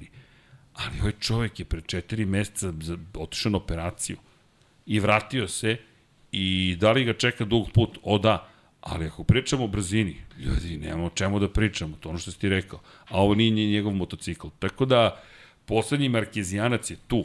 Sad, da li će se pojaviti u Aragonu? Ako se pojavi, to ono što si ti sad rekao, Peko, Pa Enea, samo zato žuri da se pojavi. Fabio, vratio sam se, jer to je to. On je čovek iz druge generacije. On je došao 2000, 2013. ušao u Moto Grand Prix klasu. I umesto 10 punih sezona, nema baš 10 punih sezona, osvojio šest titula. I sad neki novi klinci, John Mir je osvojio titul. Čekaj, ko si ti da osvojiš titul? Osvojio je Fabio Quartararo. Zamisli samo Peko Banjaja osvoji titul. Čekajte, imam tri nova šampiona. A jedan će mi biti klubski kolega u vidu Johana Mira. Ja jedva čekam i njegov povratak i 2023. Jer se svi spremaju sad, nije ova godina ni završena. Pazi, Fabio i Peko bi u bitku. Aleš je tu negde, e, nemojte da me zaboravite. Ako se desi neki kiks ove dvojice, biće u igri, ali mu je potreban kiks i onda imaš Marka Markeza koji dolazi i Neo Bastiniju koji je dobio fabrički ugovor u Ducatiju. Ali ne spominjem Aleksa Rinsa i Joana Mira koji su sada na Hondama od sledeće godine, koji ko zna, možda uspeju da se snađu na tim Hondama, sa nekog zaboravio celo ove priče. Hoćemo da dodajemo KTM-ovce možda, ne bih za sada. Šta će biti sa Markom Becekim? Zašto da pocenimo tog momka koji u prvoj sezoni uf, škorpion dobro izgleda. Jorge Martin, Znaš, polako se stvara nova generacija, jedna vrlo nezgodna, i onda ima jedan čovjek koji štrči, koji je zapravo mator čovjek. Jel tebi djeluje da je mator Mark Marquez? Pa. Pa. La, Lazaru deluje da je mator Mark Marquez. Tako da, znaš, to je 13 godina razlike od neka nova generacija. Za koga navijaš? Pa, iskreno, za Banjaju. Za Banjaju? Ovde sve banjajisti. Kako? Sledeće godine za Bastianini. Sledeće godine za Bastianini. O, beštija. deli se garaža. Deli se garaža, to je ono što si rekao i prošli put, deli se garaža. Ali fenomen, šta smo sve dobili mi na, tokom o, ovog, ovog mizana. Pa i sam test, ti kada pogledaš, svi su imali nove Ma, delove. Dobili smo i publiku i sve ono što je Mizano falo i pravi, pravi ovaj, pravi oproštaj Andreja Dovicioza. Ja se uvek vraćam jest. na Valentina Rosija i to mi je baš onako ružan, ružan deo te priče, ali ovako je nešto trebalo da bude. I lepo je Nevezano za Mizano, mislim, generalno za, za poslednju trku u karijeri i tako dalje, tako dalje, ali dobro. Da, ali, ali Andreo je Yamaha ispratila. Andreo je Ducati ispratio. Mark Marquez je ispratio. Mark Marquez je došao, pružio mu ruku. Ej, bile dobre bitke. To je sve ono što je trebalo bez obzira na stavove i odnose, trebalo je da se desi u Valenciji prošle godine, Sla, slažem se, da ne otvaram tu temu sada, ali neminovna je nekako u jednom trenutku ćemo otvoriti. Međutim, gledaš, Dovija koji je rekao, ja sam, ja, ja sam iznenađen. Je rekao, ja nisam očekivao ovakav ispraćaj. Prosto čovjek je mislio da, ok, mahnut ćemo par ljudi, to će biti to. Ne, Andreja dobio baš... Ima i tribinu. Ima tribinu, bukvalno, ima zastave na kraju. Čekaj, ali poruka na Hondi, samo, da, samo, samo, samo, samo jedna kratka stvar. U tom celom periodu razvojnog, razvojnom putu Andreja Dovicioza, Andreja Dovicioza je sa advokatima rešavao svoj odnos sa Hondom, kada je htela da ga otpusti 2011. godine, Andreja Dovicioza je rekao ne. Imao je ugovor sa Hondom i naterao je Hondu da zapravo u momentu kada dovodi Casey Stonera stvori garažu sa tri fabrička vozača. I on je sad... To je lepo izgledalo. to je super izgledalo. Imaš Danija, imaš Andreju i imaš Casey-a. I oni sedu u garaži. Ja, da, zamisli danas da su ti u garaži. Ja mislim da bi, ja bih se plašio prođem pored, znaš što stidljivo prolaziš pored Repsol hodne, kažeš, neka, hvala, ja ne bih da vas uznemirao. Ne znaš ko je jači od njih, a nisu osvojili titulu. To jest, jeste Casey te godine, sledeće nije, sledeće Lorenzo zvratio udarac. Ali, u celoj toj priči, Andreja nije baš otišao iz Honda na, na najlepši mogući način. Pa čak i Honda rekla, ej, čao, Andreja, gra, gracije Andreja, za duele koji su imali oni Mark Marquez. I lepo je bilo i kako su ga ispratili i, super mi je ta njegova izjava koja je rekao da zaista nije oči, e, da nije očekivao suludu podršku tokom savršenog vikenda. To je bila njegova, njegova konstatacija na ono što se desilo. Inače, da li treba ti čestitam za... Kako? Za Augusta Fernandeza. Gde kod njega ode? Samo sam što mi palo na pamet da ne zaboravim da. kad smo već pričali. Ne, ja ću preko, ako smo kod Fernandeza, ja bih Raula pohvalio za trku. Za trku, jeste, jeste. Da. Ne, ne, samo sam Augusto mi je pao na pamet. ne, rekao, čekaj, čestitke, do, da, da, da. pošto Andreja odlazi, neko dolazi. Da, da, da, da. Znaš, to mi je bila... Pa dobro, da, ali dobar, dobar je link generalno za, za gas gas, kad za se spominje Raul, da, da, Jest. da, da. Jeste Raul koji Da. da. napušta Tech 3, gas gas postaje Tech 3, ko odvezu super trku. Da, O, odlično. Je, pa, pazi, ono, 7 sekundi samo iz Oliveire, to je, to je super. E, negde bih Da. da. rekao prvi put u životu da ću reći da je neko bojkotovao sezonu. Imam da. osjećaj kao da je bojkotovao sezonu i da je rekao, ma neću da vozim. Bukvalno neću da vozim i djeluje mi da mu se više isplatilo nego čoveku koji je rekao ja ću da vozim, ali Raul Fernandez 13. pozicija, ono što si lepo rekao, Ne, odličan. lep, lepa trka, baš, Lepa, baš je lepa lepo trka. vozio, da. Da, i inače bio je blizu Andreja Dovicioza. Dovicioza 12. završio trku, to ono što je bilo lepo, osvojio poene, bio je druga najbolja Yamaha na kraju, kada pogledamo, nažalost, Franco Morbidelli nije stigao do cilja, ali Andreja Dovicioza opet neki poeni, nije tako daleko bio, kada pogledaš, lepa je to neka bitka i rekao, savršen vikend za mene, ok, bio je 25 sekundi od kvartarara, ali opet nismo ni očekivali više u ovom trenutku, međutim, što on kaže, savršen No, opet se vraćamo kako, kako smo razmišljali o Rosiju koji je kasnio 17-18 sekundi. Dakle, sram ga bilo, a on sad brži od svih, zapravo drugi najbolji vozač Yamahe ostaje Valentino Rossi u pa bio bi, bio bi osmi na ovoj trci. Maveriče, Maveriče, Maveriče, za sve je kriv Maverick Vinales, ne, za sve je kriv Lin Jarvis.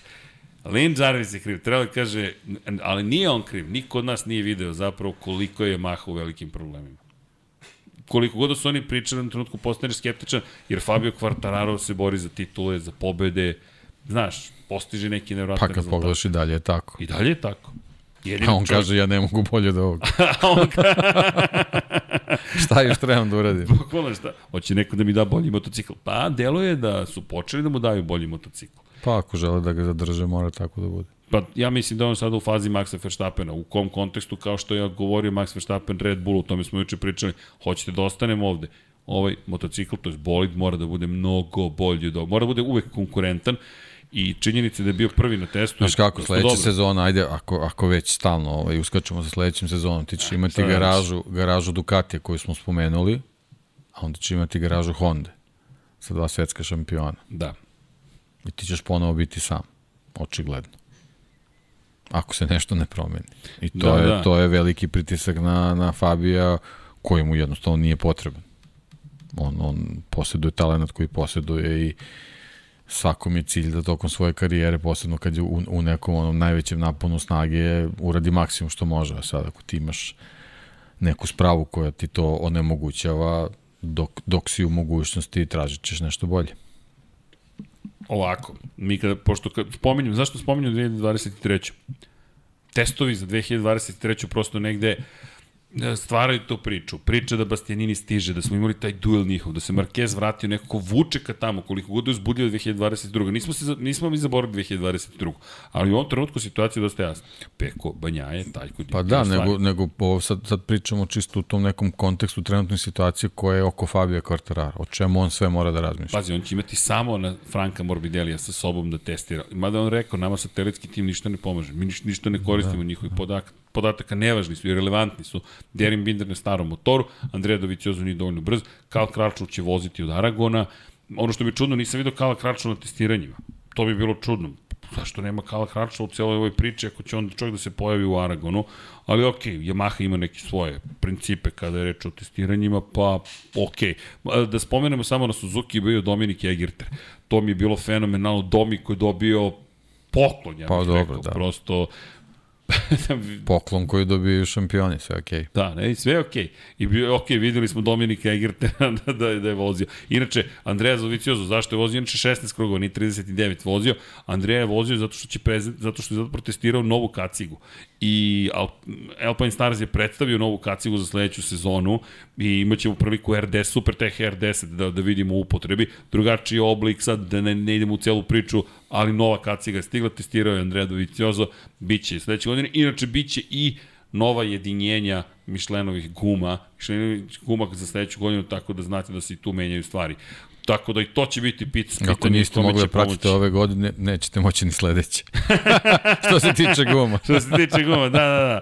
To bi bilo to što se, da, da, neverovatno. Inače, uvek volim da gledam testiranja. Ne, ne, greš one fotografije, pa granična vlakna na sve strane, sve crno nekako, pa pokušaš da protumačiš ovaj oblik, da li je, da li nije, ko šta, ali je dobro što znaš šta testiraju. Aha, nova oplata, aha, nova viljuška, aha, novi Pa ram. sećaš se onog čunka. Kako Yamaha ne, što ima, Yamaha što u Mizanu testirala. Koga, koga koristi danas? KTM danas ima nešto slično, samo što je malo lepši oblik, pa to Pa izgleda dobro, bolje. da.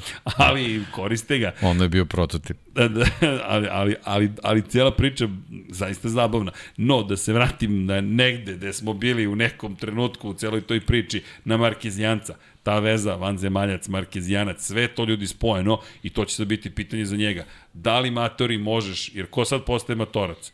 Postaje Mark Marquez koji će imati 30 godina sledeće godine. Kako? Aleš, aleš. Baleš ti je najstariji, ali još malo, još malo. Da, da imaš i Zarka, ali vidi, ali ko je od šampiona najstariji? Mark Marquez. Mi sad, Andreja otišao u penziju, ali mi u ovom trenutku ako pričamo ko je najstariji šampion koji će biti na stazi, to je Mark Marquez. Nije on možda mnogo stariji, ali druga generacija, ono što si ti rekao, on je već proživeo ceo jedan život na motociklu, na Moto Grand Prix, još pride uz ovu povredu, i to će sad biti zanimljivo. I Jorge Lorenzo je tweetao, sme, smena generacija. Jeste Jorge, ali ima ovaj jedan uporni, uporni koji klija iz kamena otprilike i ne predaje se. I to je zabavna priča. Meni je to, meni je to mnogo lepa priča. Da neko ko je bio na dnu, sećam ga se u Kataru, i zašto sam promenio jednu trenutku mišljenje. Ja sam verovao da može nešto da postigne, onda kad sam ga vidio u Kataru uživo, sa tom savijenom rukom ovako, otprilike stoji, tad sam prvi put rekao ne, ne, ne, neće nikad ništa desiti. I on nik, nije bio nasmejan nijednog trenutka. Sad čovjek ne skida kez sa usta. Ta- Taj psihološki moment, kad si radostan i kao, a, dobio sam novi život, to ti kao u igrici. E, kao, Pa to je ono što kaže što se i na Maveriku vidi. tako je. Baš se Kad lepo su rekao. zadovoljni nečim. To je, to je jednostavno, ne, ne možeš da sakriješ. Ne, ne možeš. Ne moraš ti ko pajac da se smejaš, ali jednostavno ozariti se lice. Tako je. Da ti prosto Budiš siješ. se ozaren. Tako Pa je, da. tako je. Baš lep, baš sijaš. Inače, ironija za testiranje da je KTM imao najbržeg vozača u vidu Miguela Olivire. Ali to je to. Otpustite nekoga da bi bio najbrži, otprilike to je, ako se jednim razmišljam, da li je realno da je on jedini među vodećih deset na KTM-u? Da, jer to tako prosto I da li je realno da njemu daju da testira motocikl sledeću godinu? Da, Pa dobro, do, okej. KTM ima neke svoje principe. Naravno. Svako ima svoju viziju univerzuma. Ali, ali, ali svega je bilo, zaista. I apropo Yamahe, to ne smemo da zaboravimo, o tome smo mi pričali, a to je zapravo da kada pričamo o motorima, konstantno se vraćamo na jednu te istu priču. Yamaha već neko vreme ulaže zapravo da stvori jači motor. Luka Marmorini je doveden iz Formule 1 i to je višegodišnji ugovor. To je bila prvo poruka Fabio Quartararo, ej vidi, zaista hoćemo da radimo ovo, a onda smo i dobili i te neke rezultate. Tako da Fabio s jedne strane dobija signale vrlo jasne, hoćemo, s druge strane biće sam protiv četiri Honda i da ne zaboravimo, pazi ti sastav Honda za sledeću godinu, ne znamo ko će biti četvrti još uvek, ali imaš Markeza, imaš Joana Mira i imaš Aleksa Rinsa.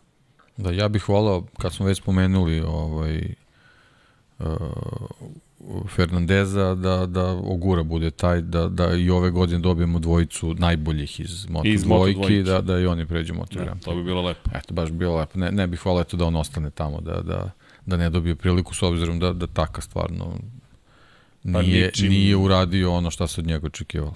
Da, Takaki Nakagami baš nekako ne liči na ne, ja ne vidim nikakvu inspiraciju na Kagamiju. Nema ništa što je iskren, ništa što pokreće, ništa što kažeš, ajmo taka, to je ono što smo pričali. Pre dve godine smo bili Pa na nivou... suviše malo dobrih rezultata, naravno prati ga ta teška povreda koju ima i sve, sve, sve to stoji, ali jednostavno to je sastavni deo te čitave priče. Mislim, evo, sad pričamo o čoveku koji, ako, ako je neko imao teške povrede, to je Mark Marquez, pa pa opet je bio Opet brži od je- tebe na, na tom istom Imao motociklu. tri pobjede da. prošle godine, Tako čekajte da- sa tom povredom. Tako da malo, malo je tu sad nekih izgovora koji mogu da, da se uklope i stvarno bih volao eto, da, da, da u nekom trenutku Ogura dobije, dobije priliku da, da vidimo ovaj, kao i Augusto Fernandez jednostavno, da, da ih vidimo tu zašto su zaslužili svojim izdanjima u Moto dvojkama. Mora, zanimljiva kombinacija Pole Spargaro, Augusto Fernandez u, na Gas Gasu.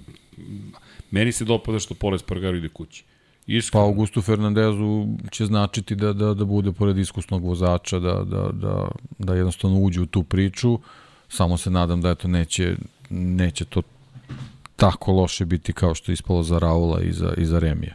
Oni stvarno su onako u nekom izuzetno lošem trenutku došli u čitavu priču i baš se sve onako loše završilo. Slomilo se baš na njima. Baš na njima, da, da, i to neverovatno. Da, i ne znaš Neverovatno da ubije želju Remy Gardner da vozi uopšte ikad Moto Grand Prix. To je onako stvarno Moraš da se ozbiljno stvarno su se desile neke stvari, verovatno ćemo možda vremenom i sa, saznati šta se tu sve dešavalo, a možda nećemo i nikad, ali, ali baš je onako ovaj, kao da je sve puklo u jednom trenutku. A bilo onako stvarno u lep, lepoj uzlaznoj putanji sa, sa čak i delova da ima i neka vizija kako sve treba da izgleda i dokle sve treba da dođe. Pa, Ali ovaj, jednostavno ništa nije funkcionisalo. Ova, ova povremena nedeljna izdanja Bindera i eto, Oliveire koji su išle čak i do pobede, to evo standardni Binder, Nije, osma da. pozicija Pa da, u da, trci. da, Mislim, da. ništa Da. što se nije dalo predvideti. Biće među vodećih deset, ali znaš šta, deki, baš me briga. Evo iskreno. Ali to ti isto, evo, pogledaš, pogledaš i Aleksa. Rinsa, to je to, sedmo, šesto, sedmo, osmo to. mesto, takav bi Suzuki bio čitave godine. Sve, sve, eh, sve što su bili pokušaj da se uradi nešto više, završavalo se padovima i Mira i Rinsa, što jednostavno pokazuje da su u trenucima kad su želeli da urade nešto više morali da forsiraju preko granice. Ne vidim, ja ka- kada pričam, Otprilike ista priča. Isto- a, a nije ali- dobro da KTM ima istu priču ko Suzuki koji svoju priču završio. koji ide u pe, koji Da. se povlači iz sporta. Sa druge strane imaš Aprilu koja je mnogo kasnila za, za tobom u tom nekom razvoju. I Da. da. pogledaj gde je sad. I, mnogo, I često se sad spominje kada Aprilia izgubi koncesije. Ja mislim da Aprilia uopšte neće uzdrmati gubitak koncesije. Mislim da se oni spremaju za to. I ono što smo čuli od Aprilije tokom ove godine, da su oni često podešavali motocikl kao da već imaju koncesije. U pokušaju da ih sledeće godine upravo ne zadesi sudbina koja se desila KTM-u, koji se izgubio kada je izgubio koncesiju, kada je prepostao tim koji... To je izgubio koncesiju i izgubio Pedrosu. Da, tako je. Da, Dani koji nije... Nema Pa ne, on je bio više. tu za, za te finese. I to je jednostavno sastavni deo, svak, svaka ekipa je to jednostavno mora, mora da ima. I beskonačnih testova više nema. Nema. Jednostavno nema. I ti nemaš taj luksus, znači tebi, tebi treba neko ko će u tim da ih nazovemo kratko trening testovima, testovima da, da, da ti isporuči maksimum podataka s kojima možeš da radiš u nastavku sezone. ovde se, kada ne. pogledaš, ništa nije promenilo. Ne da se ništa nije promenilo, mene iskreno baš briga više za osmu poziciju u tom kontekstu. Jer, znaš kako sebi zvučim, kao da svaki put, evo samo što nije se nešto desilo. A iskreno, pa šta? Znaš, stav je, pa dobro, pa šta, bio je osmi. I šta sad, super, aplauz. Evo, došla je nedelja i bili smo loši na startu, ali ćemo biti osmi na kraju trke. Stvarno, došli ste ovde da biste se takmičili za osmu poziciju. Da to nije dovoljno. A ja od početka verujem u KTM. Govorim, ljudi, nije pitanje da li, već kada će osvojiti titulu. Kada će osvojiti titulu? Kada će osvojiti titulu? Sada već se postoje pitanje hoće li osvojiti titulu, jer ovo je ozbiljan korak unazad. I ti sada menjaš, Brad Binder će imati i Jacka Millera sa sobom. Mnogo volim što je Jack Miller tu i što će ostati, ali nisam siguran koliko je Jack Miller precizan u tim situacijama da bi mogao taj KTM da izvuče na neki novi nivo. Ne Pa, znam. ne znam, ja, ja, ja bih volao da, da da, da, ja da, bih. da bude, ovaj, ali opet da pravimo paralelu s Formulom 1. Ovaj, Jack Miller je Ricardo Moto Grand Prix. Jedan drag, simpatičan, veoma brz australijanac koji zna da pobeđuje, ali kad, je, kad se radi o nekom razvoju ovaj, mašine s kojom se upravlja, to se ne pokaže baš najbolje. Verovatno su spremni na neke kompromise zbog svoje prirode, a to u tim sportovima ne prolazi. Ne. Da, ovde da, ne možeš da. biti... Tako da ja bih, ja bih voleo da, da, da dobijemo nekog starog Jacka Millera koji će imati entuzijazam da radi na tom motociklu, ali to nije njegova priroda. Njegova je priroda da on voli da se trka. Ne verujem da, da, da može da doprinese ovaj, na, na taj drugi način, ali stvarno bih voleo da grešim. Baš, baš bih voleo da, da, da, da mogu da priznam da sam pogrešio i da ga vidim sledeće godine često na podijumima. Ja se, ajde, nadam se isto kao i ti. Ja sam skeptičan, vrlo skeptičan, jer prosto nije mi taj profil. Nije on čovek koji dolazi jednom spašava ekipu i sad će onda testira milijardu nekih stvari i pronaći će nešto novo. Jack Miller je sjajan vozač, nema tu što da se priča. Je kažem, kao i Daniel Ricardo isto. Izvrstan, ali, Sve, ali... ali, ali ima taj jedan moment koji e, nedostaje. Da, u svakom slučaju, kada, ajde, dotakli smo se, prosto ne možemo da ne, ne pravimo paralelac, da spajamo sa onim što nas čeka, sa onim što se, što se dešava pred našim očima. Moram da se malo samo na krenutak osvrnem na, na, na, na sjajne dve trke Luki Marinija. Dva puta četvrti, kuca na vrata pobjedničkog postolja i E, mora, sada... mora da ponovi izdanje na stazi koja mu ne odgovara. Da bismo rekli, e, overene su ove dve, ova dva dobra izdanja. Ok, profesor Potkonjak je svoje rekao i slažem se, nema šta, ono što mislim da, međutim, da, mislim da će Aragon odgovarati i dalje Ducati, mislim da će Japan odgovarati Ducatiju, znaš gde bismo možda mogli da čekamo baš pravi test, Ostrovo Filip je test, I test. Malezija. Da, ali, hmm, da i Malezija. Malezija, Malezija vidim, vidim Fabija. Ja, a, a ne, ja, mi- ja mislim da to Da. Fabijevo, da je to Da. za njega trka, bez obzira na duge pravce, Malezija ima... Ma ti dugi pravci nisu uopšte bitni. Ne, ne, Malezija... onaj drugi deo, onaj drugi, drugi deo, sektor je bitan. da, drugi deo traži Da. mnogo znanja i hrabrosti. Ali to je jedna od najlepših staza i pohvali Hermanu Tilkiju da ga ponekad i pohvalimo, to je samo jednom da ga pohvalimo, čovjek koji je stvorio Sepang i tu nas je prevario sve, pomislili smo, ok, može savremena staza da bude uzbudljiva, brza, da ima sve Pa što dobro, treba. možda u njegovu odbranu možda su ga tu pustili da radi šta je hteo, onda su posle rekli čekaj, ne, ne možeš to tako. ne možeš baš ti šta ti hoćeš. tako Pa da, ne možeš baš ti šta hoćeš Deki, da praviš. d, d, d, deki istina Prera, borac. prerano je napravio dobru stazu. Da, mi ne treba da, kritikujemo Da. da. Tilkija zapravo, jer znate nego, kako se nego pravi. one koji su mu davali posao. Da. Da, koji ti kažu, vidi, ovde nam treba spora krivina, jer ako ih dovoljno usporiš, onda možemo da prodamo veće tribine i više, možemo da dovedemo ljudi i zašto? Zato što ako su tu krivina levo, desno, levo, desno, levo, toliko vremena će da potroše na kratkom rastojanju da će publika da uživa što može da vidi bolid uh, ili ti Abu Dhabi, čitaj Abu Dhabi koji su sada dosta promenili, ali bukvalno Abu Dhabi je pravljen planski da imate spore zone gde možete što više da gledate bolid koji se kreće sporo. Kakav paradoks. Napravi mi stadion da najbrži bolidi na svetu se kreću što je sporije moguće da bismo mogli više da ih vidimo. Ok, evo izvolite, ali to nije baš trkanje. Pa, ali možeš da prodaš više osvežavajućih napitaka, više jela, više svega i tako dalje. Gde nas odvede, Dejane? Aman. Nemam pojma. E, Inače, tribine, ja mnogo volim tribine u Maleziji, pošto onako gotovo paralelno idu praktično i između je zapravo kompletna zona. Pogledam padok i to mnogo dobro izgleda i ceo taj doživlje tamo u Maleziji. Nisam bio, ali ono što smo mogli da vidimo podsjeća me na Katar iz jedne perspektive.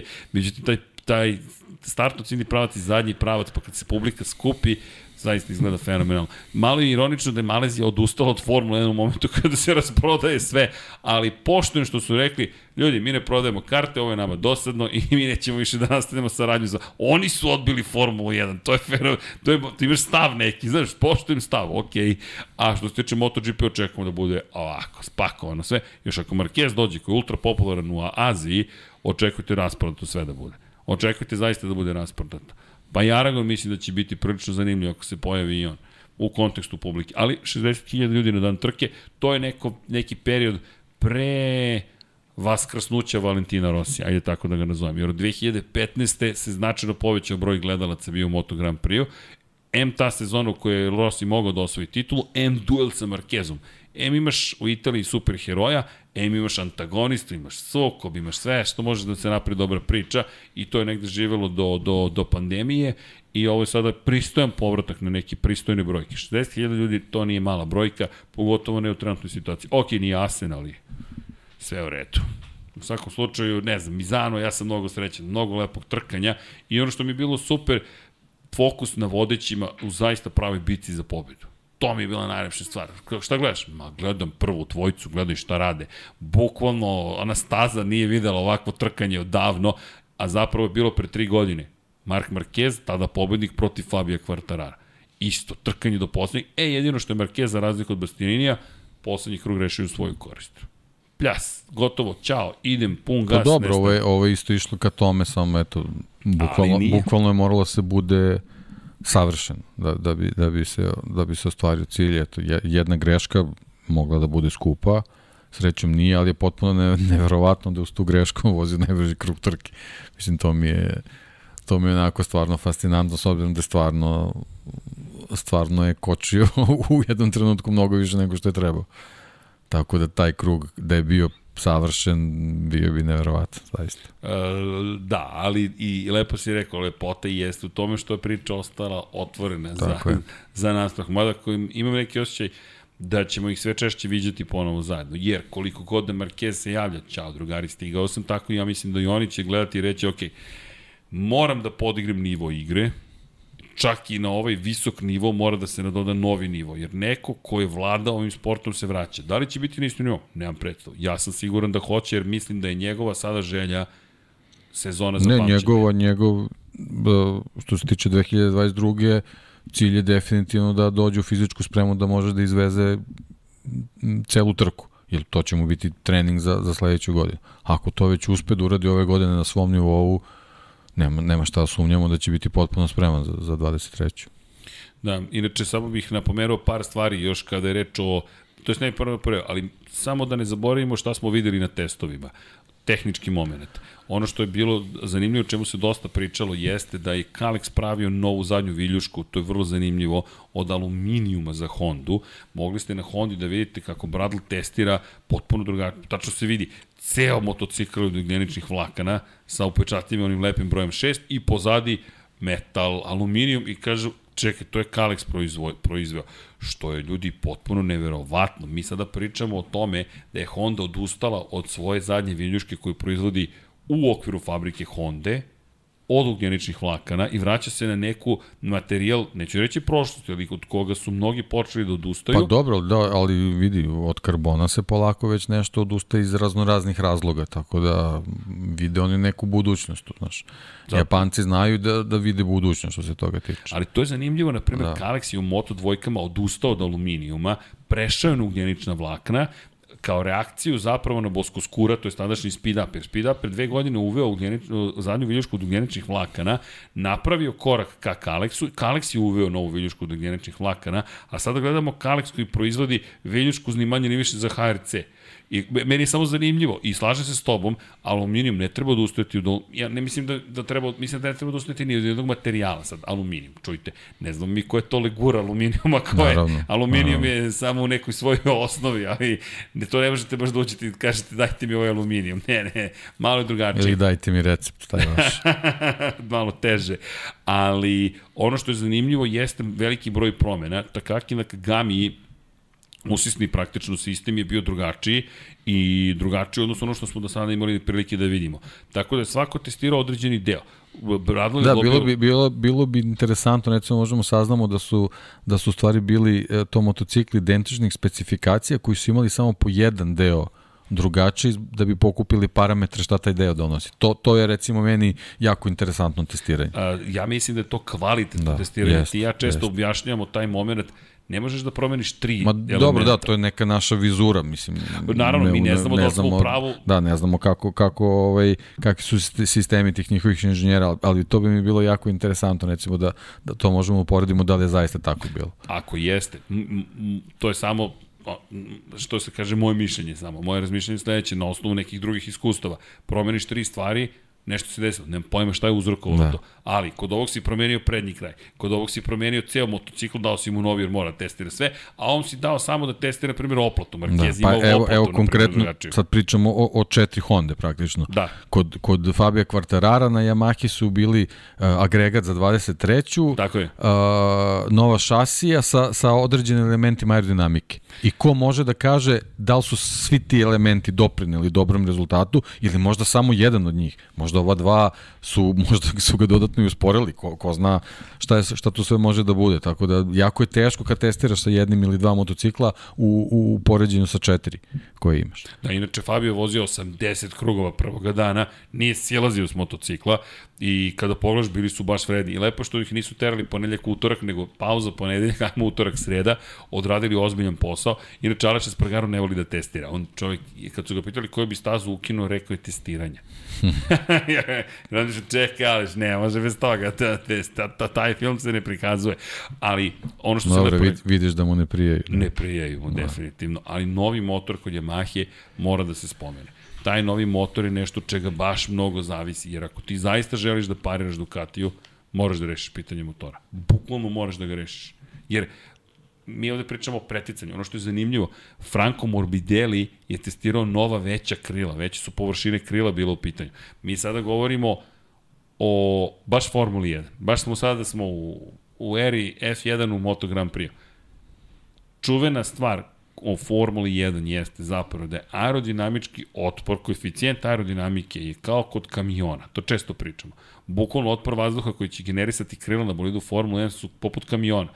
Ti teraš bukvalno ciglu kroz vazduh, ali cigla je ima tako formirano aerodinamičke površine da kada dođeš na kočenje, dodavanje gasa ili još važnije u krivine, ti možeš da postigneš neke nevratne brzine. Da bi ih postigao, moraš da imaš motocikl koji će tu ciglu da protera mnogo brzo kroz, jel te, fluid, u ovom slučaju vazduh. I kada pogledaš da je neko povećao površinu krila, to meni govori da je jači motor u pitanju. Jer ako povećaš površinu krila sa starim motorom, pa da, imaćeš bolji, ne veći negativni uzgon i bit ćeš pribijen dole, ali bit ćeš još sporiji. Pa čisto sad pre, prebacujemo stvari koje smo naučili kroz godine u Formuli 1 na Moto Grand Prix, to mi je nevjerojatno. Da mislim, čekaj, veća krila. Bez većeg motora, uf, to nema stabilnosti. A pritom, ono što je malo paradoks, ali pozitivno, win-win situacija, to je dobro i za jednu i za drugu stranu, jači motor, će ti podizati prednji kraj, pa ti treba veće prednje krilo da ti obori taj prednji kraj. Ali sad oblik krila kod motora, kad se obori motocikl, kako utiče na ponašanje zapravo u samim krivinama. I naravno, da li će, jer šta se desilo u Suzuki ove godine, to je zanimljivo. Da, povećana maksimalna brzina, izgubljena agilnost. Jer morali su da povećaju veličinu krila, povećaju si veličinu krila, brzina promene smera kretanja se smanjuje. Zašto? Vrlo jednostavno, ti si u skretanju desno, ti sad treba da prebaciš motocikl u levo. Čekaj, veći otpor vazduha, imam veće krilo, pa super mi je na pravcu, ali sad u krivini više nisam agilan ko što sam bio. Da, posebno u brzim krivinama gde su oni imali velike prednosti. Tako je, da. jer imaš veći otpor vazduha. Ok, bolje prijenjaš, mm, možda će biti bolja temper, kontrola temperature pa da, to je, to je bila stvar koja godinama Ducati pokušao da izbalansira. Tako je, i ne usp... I nije baš I, lako. Nije baš tako nije je. baš tako, tako je, lako. Tako je. Tako da sad druge ekipe se susreću s tim zato što su naterane zbog Ducatija da se bave tim stvarima, Jest. da, da povećavaju svoje maksimalne brzine, što do sad nisu radili. Da, inače, uh, Lorenzo Savadori na Aprili je testirao cijele sezone, on te, što svi kažu, čim vam kažu Sava, znajte Savadori, i kaže Aleš, šta sve Sava testira? Oni tamo ne znam više ni šta imaju pa, testiranje. Da, ali to nije dobra rečenica, bolje bi bilo da, da znaju šta rade, zato što onda imamo dobru Apriliju sledeće godine, da ne dobijemo KTM. Da, ali dobro, bili su brzi, to je ono što da. je bilo dobro. Bili su treći, peti na kraju, ono što isto u celoj priči zanimljivo jeste opet uh, zadnje krilo, prednje krilo, Jao, zadnje krilo, e, zadnje krilo na motociklu, došli smo do tog stadijuma, ali okej, okay, to je neki novi vrli svet, kako god. Ducati, inače, nije nešto mnogo doneo, barem ne da smo mogli da vidimo neke velike razlike, možda to i nije loše za Ducati. Kada pogledamo, skok sa GP na 21-22 je bio trnovi. Pošto ćemo sledeće godine imati GP 22B. pa već imamo B, već imamo, imamo A, B, ovo će neki C, C, da bude. Da, da, i opet nisam postavio pitanje, ja, deki, to moram, ne, moramo zajedno da odemo pod, ne, moraš to ti da postaviš kao pitanje, ako si stilji, znaš se ko će da, ti znaš ko, nisam stilji, tako ja, je, deki, to, da čujemo, da pitaš, Uh, izvinjam se, da li mislite da bi trebalo da se uvede u šampionat konstruktora da verzija motocikla zapravo donosi poene? U, to će KTM da skoči, da, da, dajte nam za gas, gas odmah, dajte nam odmah za gas, gas i koncesije. Ali, i KTM kada ih spominjemo, videli smo Danija Pedrosu, ono što je razlika, Dani više ne testira koliko je testirao nekada, ne može prosto. Inače, imali su napređen zadnji kraj, unapređen, promenjen zadnji kraj, sedište takođe, I eto, bilo je zanimljivo što mnogi se pitaju da li je uopšte KTM doneo motocikl za 2023. Ukoliko nije, to je baš veliki šok i nije baš pretjerano dobar signal da KTM kao ozbiljna fabrika kakva jeste, dođe praktično bez mnogog motocikla. Dosta neverovatno, ali. Okay. Inače, pošto Joan Mir nije mogao da nastupa, rekli smo Dominik Egerter je seo na GSX RR. Ono što je zanimljivo, nije bio ošte loš, 2,6 sekundi bio sporiji od, na primjer, Francesca Banjaje, tako da ima tu stvari na koje mogu da budu ponosni. Mi inače testiraju neke nove delove Alex Rins za hlađenje zadnjeg kraja motocikla. Ja mislim da Suzuki želi da se oprosti na najlepši mogući način, ali pre svega da želi u Japanu da ima dobar nastup. Koliko god im staza odgovarala ili ne, ja iskreno mislim da ćemo Suzuki možda videti na ostrovu Filip, da ćemo u Australiji dobiti dobru verziju.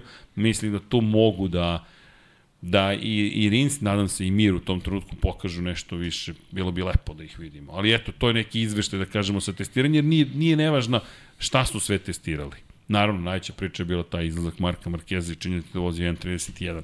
6. Pa da, mislim, testiranje su bitne zato što mo, kako bih rekao, idealan trenutak za, za te konačne pripreme za 23. I to, to su morali da iskoriste.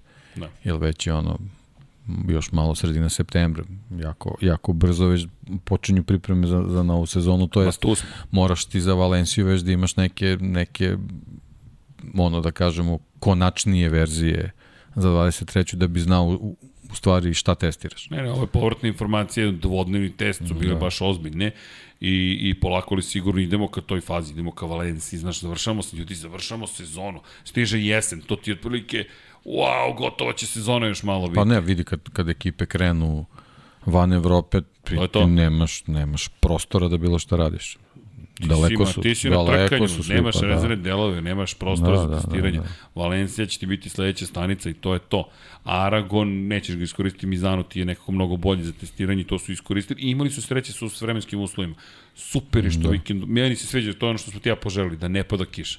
I nije padalo, osim Da. taj trenutak u kvalifikacijama, koji inače misli da je mnogo koštao Fabio Quartarara. Fabio je rekao da sada uopšte više nije uživanje u kvalifikacijama, da je sada već mučenje u kvalifikacijama, ali misli da je mnogo više uticalo to što je kiša u tom trenutku baš malo pala i onda prestala da pada. Jer u Q2 delu kvalifikacije krenuli su na gumama za kišu i tek onda se prebacio na gume za suvo, što mi deluje da je njega najviše kostalo. Osta, osma startna pozicija, muke. Pa to, zato, zato i kažem, zato je Peko dobar posao uradio znajući za, za, za tu kaznu, ovaj, da, da je slučajno on imao ne, neki sličan problem, bilo bi jako teško trci da se iščupa da, da, da se probije, videli smo kad se probije na, na, na čelo, to je njegova pozicija, sve je ispod pravi mu problem.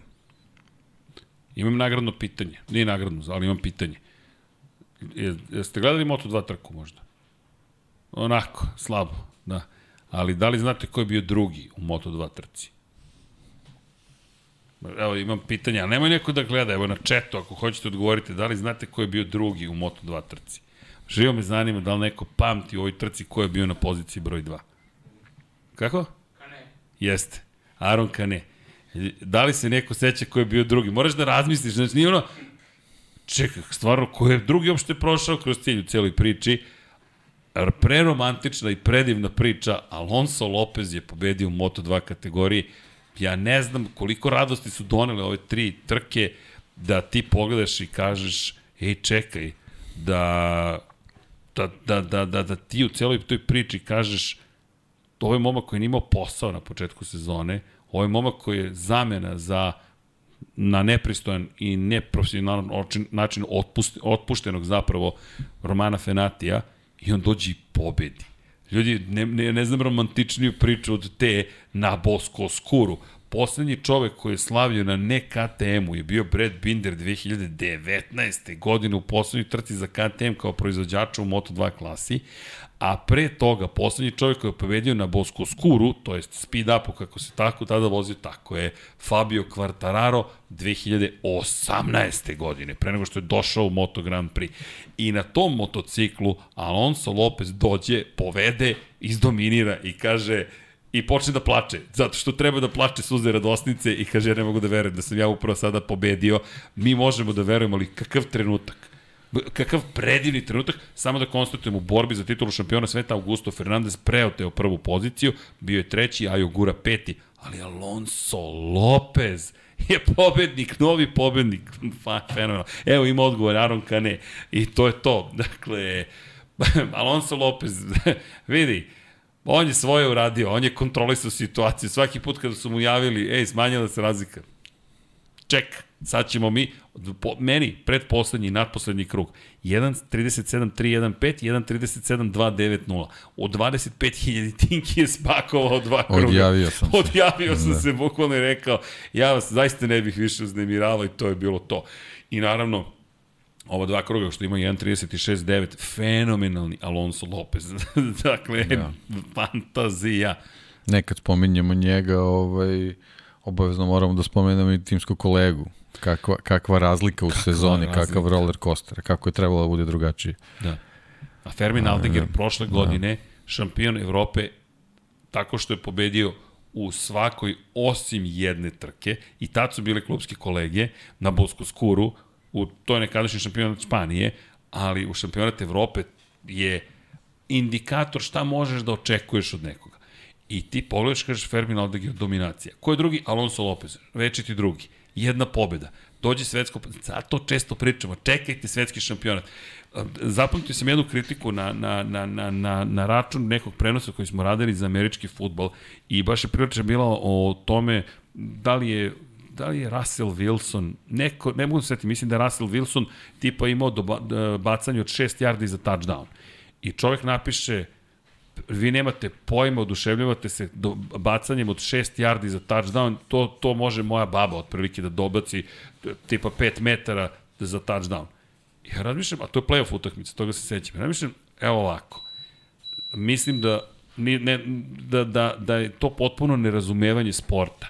To jest ne sporta, uopšte profesionalnog vrhunskog svetskog sporta. Svako može da dobaci loptu američkog futbala na livadi za 6 yardi.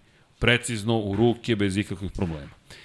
Postoji par stvari. Obucite se u opremu američkog futbola. Ajde da krenemo od manje bitnih stvari. Obucite prvo opremu, stavite kacigu, smanjite svoje polje, svoj videokrug na otprilike ovako. Stavite ruke ovako i sada vi gledate gde vam je ko na terenu. Tako je, tako je. I sad nemate po... Ispred sebe stavite, stavite svoju ofanzivnu liniju, a onda naterajte 10 ljudi da trči prema vama da vas polomi. I u tom trenutku pronađite svog hvatača koji je negde otišao tamo, dok sa druge strane je 10.000 navijača, 20.000 sove, 20.000 sove, iza je 10.000, reflektor ima puta 100 u odnosu na ovaj ceo studio, 69 kamera radi prenos, ceo život se borite za tu jednu utakmicu, ako promašite, vi ne idete dalje u play-off, ceo vaš tim od 53 aktivna igrača, plus svi koji rade kod kuće u Sijetlu, treneri, vlasnici, svi ostali su u suzama i nemate reprizu toga narednih 12 meseci, dok je sav taj pritisak na vama, plus jedno 60 miliona gledalaca te utakmice, i onda bacite loptu precizno za, pet, za 6 yardi. Nema apsolutno nikakvih problema. E, tako je kad dođete u svetsko prvenstvo. Ok, this is the big league. Ovo je ta velika liga. Ajde sad vozi kao što si vozio. Ne mogu. Zašto? Koga je angažavao sportskog psihologa? Ja mogu, zašto? Ja volim sveta reflektora. To je poruka Alonso Lopeza. Ja hoću ovo, jer Alonso imao jednu priliku u Moto trojkama i došle. Zato je meni ovo još veći uspeh. Mislim si super rekao, pogledaš Fermina Aldegera, Fermine, gde je ona sezona od prošle godine? Gde je početak ove? Gde je početak ove? Kod Čelestina Vijeti u džepu, da. otprilike Čelestino probi svet, oteo da. ga je, oteo mu je, bukvalno mođo mu je u kruma pa, Argentini. ukroji sebi. Ukroji sebi, da. ukroji sebi.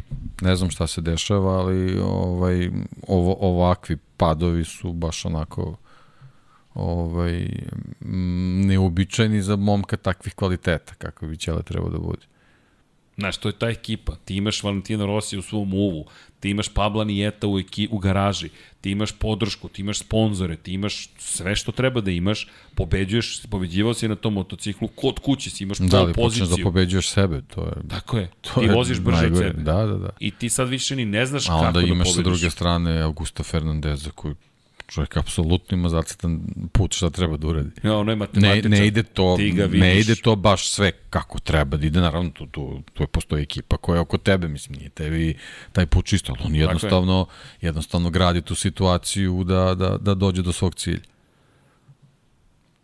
Vidi, e, kada govorimo o o, o, o, o Augusto Fernandezu imam osjećaj da će uskoro da mu prikazuju kako mu mozak radi. Tik, tik, tik, tik, tik, tik, tik, pa ne, ono obilaženje arena sa blago rečeno sjajan, ali ja mislim da je znao da vozi za gas-gas. Da je, da je to onaj moment, čekajte ljudi, da vam pokažem. Vremena su vidi, više, više da. nego adekvatna, ali više od vremena kod Augusta Fernandeza taj voljni moment, mene to oduševlja kod njega nema odustajanja. To je fascinantno. Baš nema odustajanja. Pogledaj kako ova loše izgleda. Loše izgleda, pazi ti možeš... ali tu su dva, tri manevra tokom tako trke je, koje, koje naprave je. razliku. Da. da, inače, no. Tomislav Niković kaže sport na kojih... E, e, Tomislave, imam izazov za vas. Dođite na trening Vukova Beogradskih, da vidimo da li možete da izdržite jedan trening američkog futbala. Ne bih ja baš rekao da može vaša baka da izdrži utakmicu, ali ako ste spremni, Da ne bude posle da niste od reči. Javite se, 99 yardi, imamo prezentaciju inače piva. E, poziv svima, sek pivo prezentujemo. Tomislave, takođe ste pozvani, upoznaću sa Jimmyjem trenerom, samo treba da izdržite trening Vukova. Ne morate uopšte da izađete na teren sa naravno punom opremom i ako izdržite, ja, eto, ja, ja vam prvi čestitam. Ako jednu akciju izdržite, kada se sustigne jednom safety, ja, če, ja istog trenutka čestitam, ja vam kupim godišnju zalihu sek piva, Triple West Coast IPA 9,9. Čisto da budemo e, od reči, ništa drugo. Ovo mi dasa pomalo na vanju liči, ne znam zašto. Jel da? A frizura, frizura. Jel da? Zbog frizure.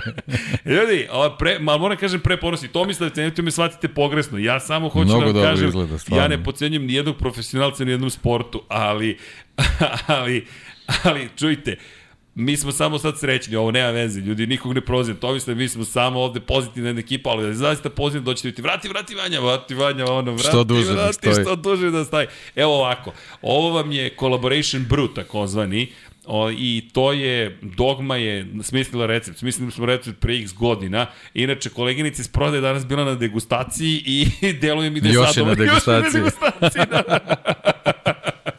e, Lazare, nažalost, ti ne možeš, ti si maloletno lice, ali Sergej je pozvan, ti dođi, ima tamo i bezalkoholnih napitaka, tako da petak je veče, cenim da smeš, ali alkohol nema za maloletnike, tako da ovo je, dok ne napravimo 0-0 pivo, onda, ćemo, onda, onda može drugačije, tu nema alkohola, ali ovo je trostruko hmeljenje i ima dvostruko hladno hmeljenje, tako da ima pet zapravo hmeljenja. U celoj ovoj priči ekipa iz Dogme je napravila 9,9% alkohola u pitanju. Nećemo za Lab 76 praviti alkoholne napitke nikada. Zašto 9,9? Pa 99 yardi. Mi imamo 9.9. prezentaciju za otvaranje nove sezone NFL-a u 9 časova i 9 minuta. Tap room dogme je u pitanju, pa eto, ko voli neka svrati i družite se s nama, probajte sek, nadam se da će vam se dopasti da budete sekovani uživo i tako dalje i tako dalje i čisto da se malo družimo, a inače za one koji vole automotosport, ko bude u Beogradu 17. septembra, kada bude Red Bull Show Run, pozivam vas da dođete. Inače, samo da ne bude zabune, Red Bull Show Run je otvorenog karaktera. Imate tribine na tri lokacije, ali svako može da dođe i stane uz ogradu besplatno i da posmatra bolid Formula 1 kako proleće ulicama Beograda. Tako da sam, uči, sam dolazak na događaj ne košta u kontekstu toga da imate neku ulaznicu. Ne postoje ulaznice, ali imate tribine sa kojih ćete moći da imate još bolji pogled. Trg Republike, to je tribine na Trgu Republike su rasprodate, ali verujte, i ako idete na terazije, i ako idete na studentski trg, uživaćete. Zašto? Na studentskom trgu potpisivanje. Na terazijama, hotela Moskva, potpisivanje. Vrištaće V8 motor, još su tu kanjoni, pogotovo kroz Kolarčevu kad proleti. Ja ne znam kako će tamo, kako će tamo da bude, ko, šta će sa prozorima biti, nemam pojma, ali bit će vrlo interesantno i kada se završi ceo događaj, dakle od 13 časova do 15, imaćete Drift Brothers, imaćete zaista super zabavu, ulični događaj, to je bukvalno ulični, idemo u tap room dogme, dakle selimo se tamo ka Adi Ciganliji i to će biti takozvani after.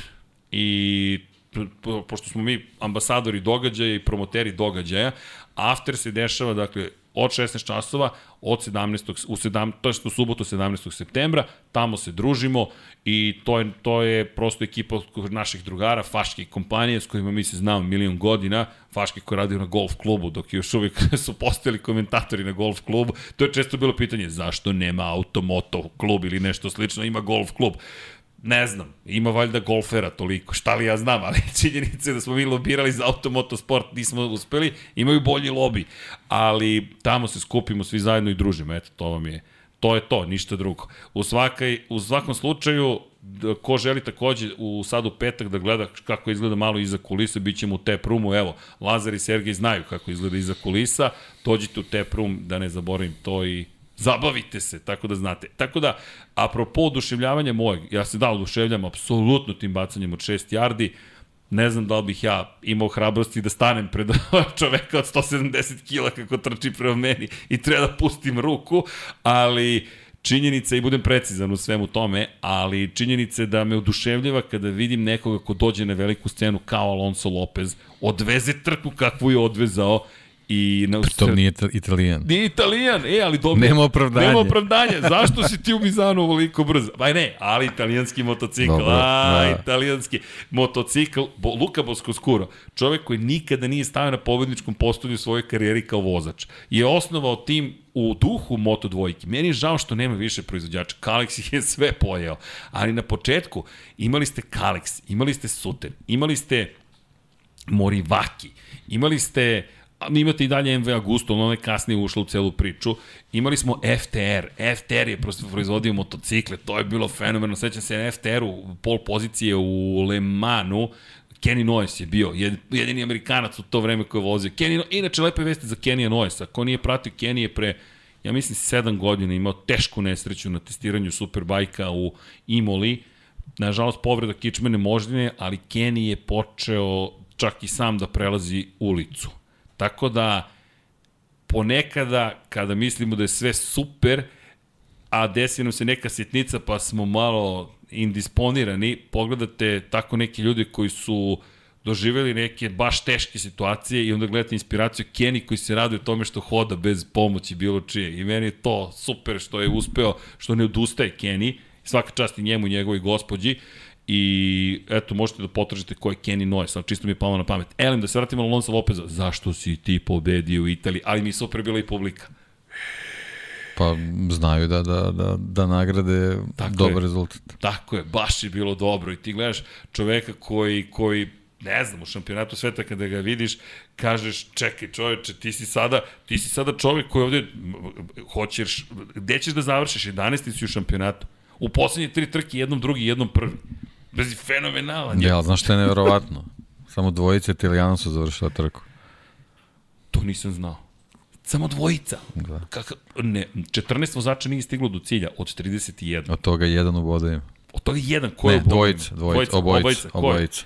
Arbolino i Zakone. Toni, Toni koji je bio sedmi za Kone, za njega sam zaboravio potpuno. Dakle, dobro, okej, za, i to su redki poeni, ali okej, 15. pozicija. Pa Dobro. poeni, zato Poeni što i ostali nisu završili. Ima još dva vozača Ružno je tako da se kaže, ali... Ne, ne, ne, baš je bila teška trka. Da. E, ali zanimljivo koliko je Mizano tehnički zahtev. Jeste, to, to, jeste. to sam spomenuo tokom prenosa, to, smo, to zaboravim ponekad. Ali, A ne smeš da A završi. ne smemo da, to ne smemo da zaboravimo. Ali, ali ne, ne. Koleginici iz prodaje, ćemo da napravimo majicu, a to ne smemo da zaboravimo. Moramo to da napravimo. Koje boje biraš? Pa dobro, dogovorit ćemo. Znam ja tvoje ne, ne boje. možeš sad tako da me... Znam na- ja na tvoje prepač. boje, eno ih ti za tvojih leđa, a Ne tvoje spominje boje. večeras ništa. spominje Ne spominje boje.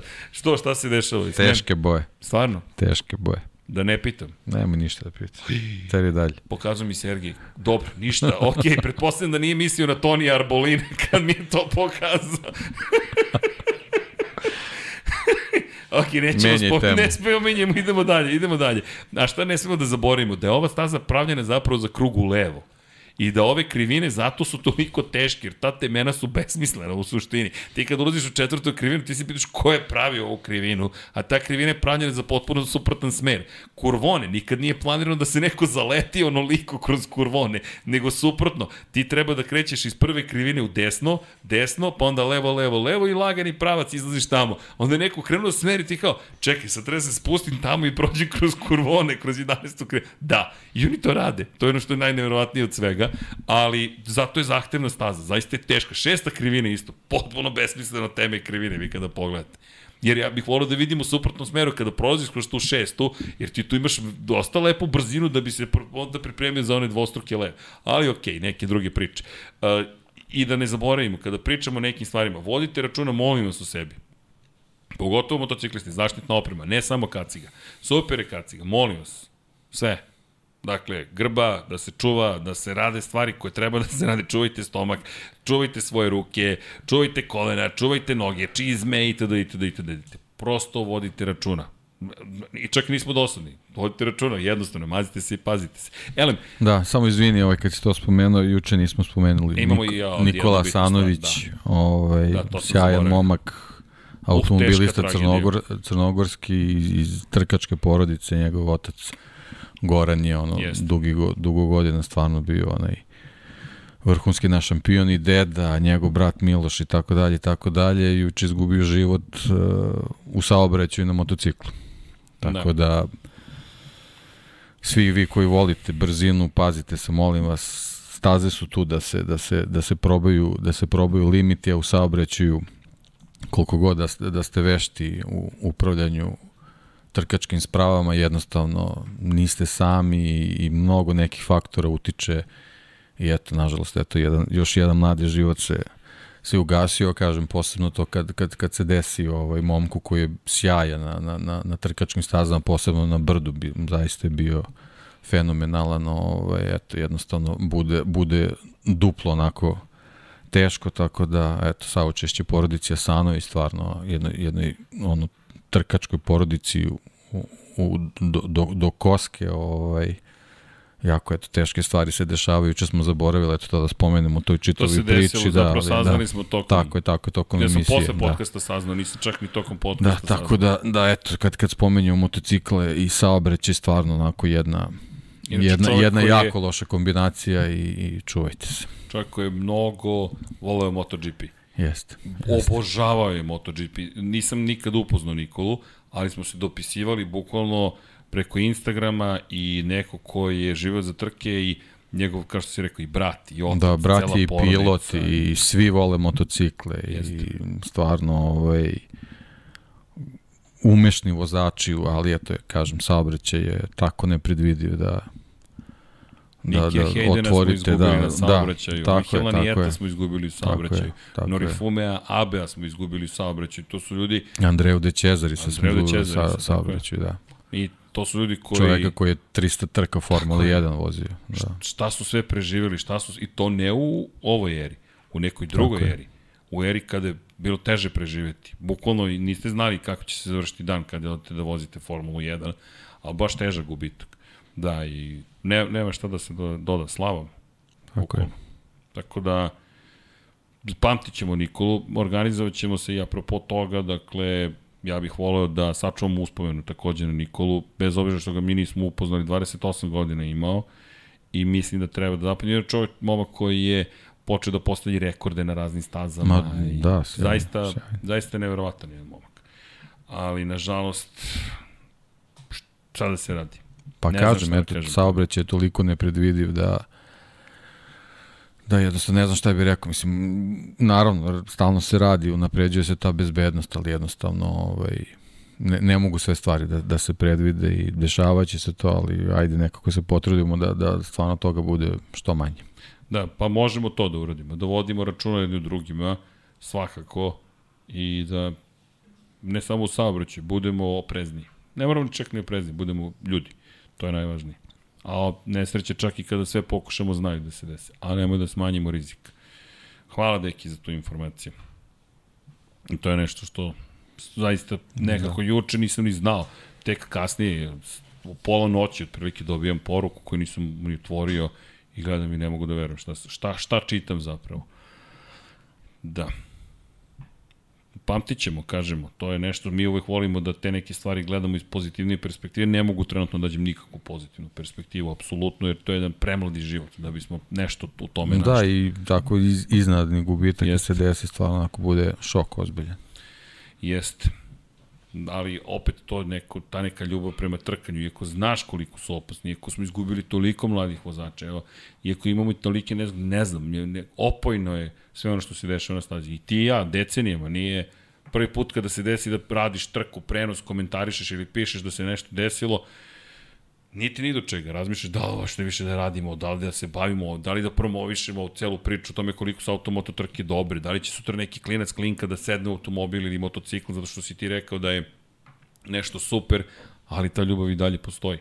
I ja mislim da zaista, vole bih da smo se čuli, da, da znam koje je prosto koji je njegov utisak ovih trka, jer verujem da bi se njemu dopalo i da mu se dopalo ono što se desilo u nedelju.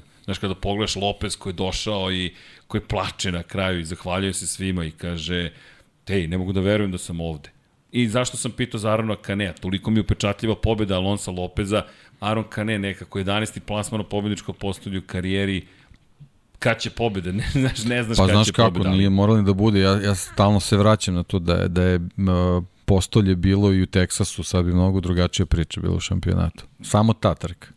Samo ta. Tu je jurio pobedu, a možda nije morao baš ta to da, da radi. evo ovako, gledam šampionat.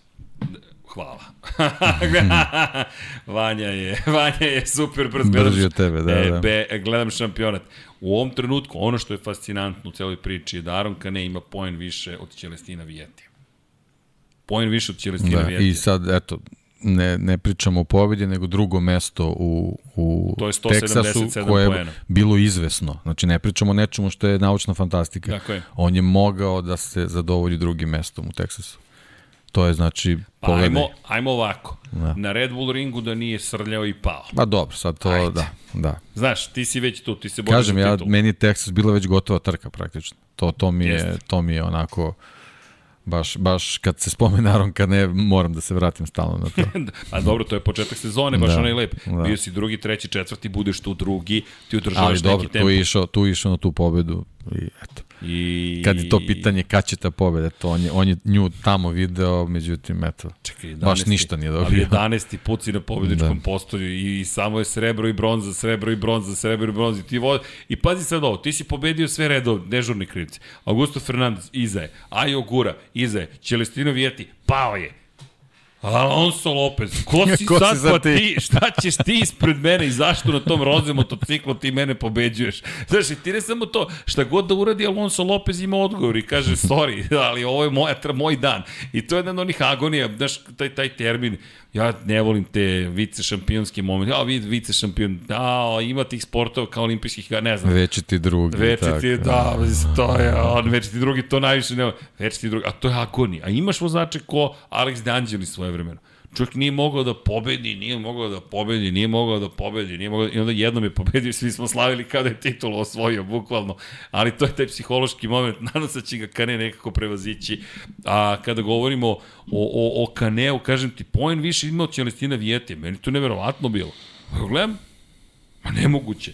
Ma moguće. Da, Vijeti nas je onako pod navodnicima prevario sa onom van evropskom turnejom, međutim kad smo došli na staze gde, gde drugi mogu da se mnogo bolje pripreme, njegova priprema je ovaj, pomalo zakazala i onda krenula verovatno neka nesigurnost, mada on to ne izgleda uopšte tako, ali nešto se sigurno ovaj, koleba. Ne, ne, Nešto postoji u glavi. Znaš što je da. neverovatno? 41 poen zaostaje Kane, 42 poena zaostaje Vijeti. Pri čemu? Moram ti priznati, ni Fernandez ni Ogura me nisu ubedili da ne mogu da, ne izgube te poene do kraja sezone jedan i drugi. I gledamo ih poslednjih šest trka, pogotovo to kad odemo u Japan. Ne bi me čudilo Vijeti tad ponovo iz nekog Pa da, razloga da sad sam počne te da kažem, ponovo idemo van Evrope, ko zna. To, to. Ne, ti to najavljuješ već neko vreme, sačekaj se neki, Da, samo da. da stignemo mi u Japan i na Tajland. Ko zna šta će se dešavati. Ali kad pogledaš, stvarno je neverovatno da će Restino Vijetina do... Pazi, pao je u Muđelu, Ko ti ne kaže da Čantra ponovo neće pravi probleme. Ko? U Tajlandu? Pa ko pobeđuje? Taman se sad, sad se pritajio i sad će ponovo da se vrati. Somkijat, Somkijat. Jedno, dve trke, da. Pa dobro, Somkijat je imao svoj... Ne, dobro, Somkijat će se vratiti u Tajland, ali ja mislim da će on tamo napravi opšti cirkus. To je haos, da će napravi, mislim da njega nose emocije. I pre bih od Somkijata očekivao ili u Japanu ili u Australiji dobar rezultat. Koliko god bih volao Tajlandu da pobedi, čak da bude zabavno. Publika na Tajlandu, ja ne smijem ni da zamislim, prošli put kad smo bili na Tajlandu, ljudi, tribine su gorele, ono je bilo neverovatno, koja je ono atmosfera. E, to smo očekivali u Indoneziji. I onda ih pošalješ hiljadu kilometara od Džakarte i kažeš, e, dođite hiljadu kilometara, gledate, pa vidi, volim ja motociklizam, ali hiljadu kilometara do Džakarte, e, ali, čekajte, kada pričamo o tome, da li bismo mogli sledeću stvar da kažemo? Ok, 17. septembra ne mrdate iz Beograda ili dolazite u Beograd, ali 18. septembra ko želi može na navak, imate 10. trku šampionata Srbije, pa eto, ko voli, možda nije MotoGP, pozdrav za našeg Patreona Igora Gašparevića koji nas podsjeća, tako da eto, otvoreno inače za publiku, pa ko želi da vidi malo i toga, jeste da je Moto Grand Prix tog vikenda takođe, ali ponesite mobilne uređaje, uključite se na platformu, gledajte sport klub i uživajte, ali eto, čisto da, da vas pozovemo da vidite i taj moment. Jednostavno, poštujemo svaku formu trkanja, pa što da ne i ovo, a kada je reč o 17. nema mrdanja 17. Žao mi je za devetu trku, desetu gledajte šampionata Srbije, devetu, Red Bull Show Run, ipak ćemo tu da se pa malo drugačije zabavimo. Ja mislim da je prilika redka. Dakle, jeste to stariji bolid, ima skoro 10 godina, ali opet je to bolid Pa Formula 1 dobro, da, i prilika za one koji nisu ili nisu nikad bili na trkama ili ako su, ako su bili u ovoj novijoj generaciji bolida da, da eto, čuju nešto kako je to ranije zvučalo uživo. I ono što si rekao, bitan je moment, to će se mnogo bolje čuti nego i na stazi zbog, zbog tog efekta tih zgrada oko, oko samog automobila, tako da trešće se tamo Beograd sigurno. Trešće se, bukvalno, da, da. baš će da bude zabavno. I onda after, naravno, da ponio tap room. U, čekaj, nisam ubacio tap room. To moram da dodam u celu priču. E, da vidimo. Da, juče nismo spomenuli, a to ćemo posle. Filip, Filip Jenić bio četvrti, inače na prethodnoj trci sada i bilo je super gledati ga kako, kako stvari dobar rezultat. Ali, vrat, doći ćemo do Filipa juče, ja, kako sam to zaboravio, što sam sebi imao za... Jurili smo ju sinoć. Jurio sam, ali sam ti skinuo rekord. u motociklizmu nećemo ni da pokušamo, nego Moto2 trka i dalje jedna super trka. Albert Arenas pohvale, mada si lepo rekao, ono preticanje koje je izveo Augusto Fernandez. Uf, baš je bilo dobro.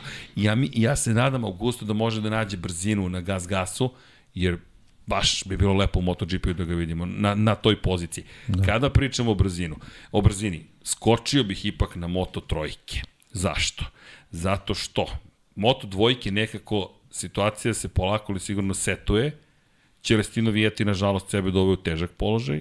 Aron Kane, ajde da vidimo da li može do te pobede pa da nekako poremeti stvari, jer pobeda opet to u najboljem slučaju, u najgorem slučaju da odlađe 5 poena u odnosu na Fernandeza. Dakle, to je 37 poena, 5 trka pre kraja sezone. Tu jedan kiks te protivnika dovodi u situaciju da se boriš. Tako da bi pobeda bila značajna, a idemo u Aragon. S druge strane, Fernandez ogura, ja mislim da ogura isto tako sada kalkulator faza. Ok, ne mogu ovde, mogu Pa ovde. dobro, on je uvek bio kalkulator. Da, da, ali sad je baš onako ozbiljna i četiri poena ih samo deli. Pazi, to je drama. Četiri poena, šest trka pre kraja. Pri čemu ni jedan ni drugi nisu baš preuzeli situaciju. Ne, ne, nema inicijative. Nema, da, nema. Da, nema inicijative za to da... da... Šta se dešava? Reak, I ne idu na sve ili ništa, vidi Ne. se. Da. Baš su reaktivni, ali znaš što me zanima, šta misliš, ko će prvi da kaže, ok, sad moram da bacim kocku. Sad mora da se Pa, baci. i- Fernandez pre ogura. Dobro. To me zanima Pa, baš. mislim, Tako to, deluje. Mislim da je to očigledno, da. Mada, Japan je za dve trke Pa, Da li će da pa ga- znam, ali ne, neće biti kamikaza momenta sigurno. pogotovo Kod, na kod, Hondinoj kod stazi. Aja i ogura. Ne, ne, ali na kod njega sigurno ne.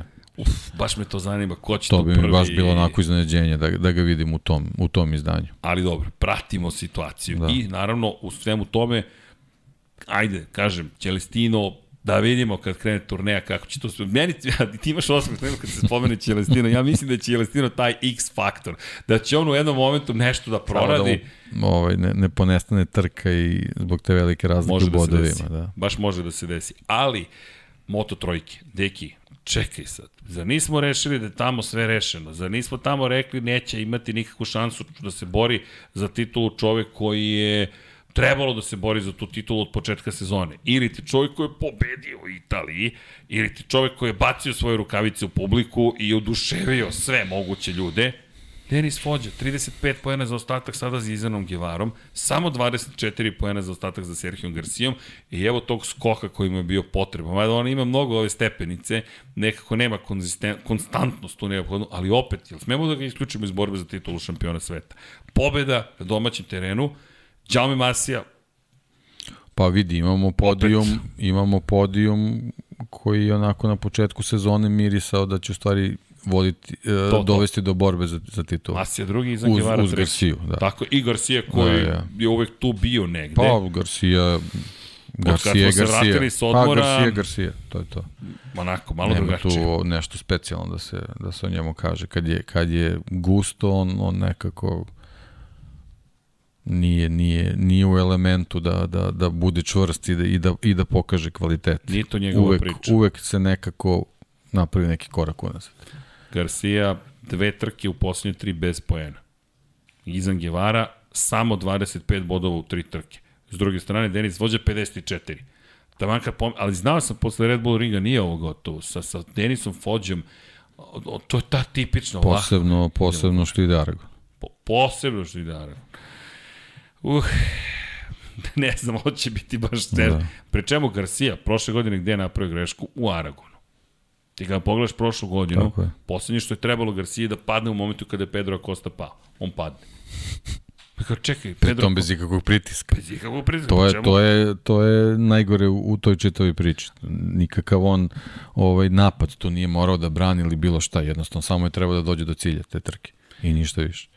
Vidi, uh, mi, ajmo ovako, prošle godine, gde je Ali započeo... to, ti- to je taj možda kane moment koji smo imali u Teksasu, da se opet vrati na njega. To je otprilike jako slična priča. Samo si treba da dođe do cilja, ništa, Ništa više. drugo. A, Aragon prošle godine, ajmo ovako, krenemo od Denisa Fođe. Denis Fođe je prošle godine svoj pohod po, ka potencijalnoj tituli započeo u Aragonu kada je reč o je. Bio je dva puta treći, ali smo došli u Aragon. Pobedio je. U Mizanu pobedio. Ove godine pobedio već u Mizanu. Dakle, šansa i tekako postoji. Zatim smo otišli u Ameriku gde je bio drugi u onoj bizarnoj trci.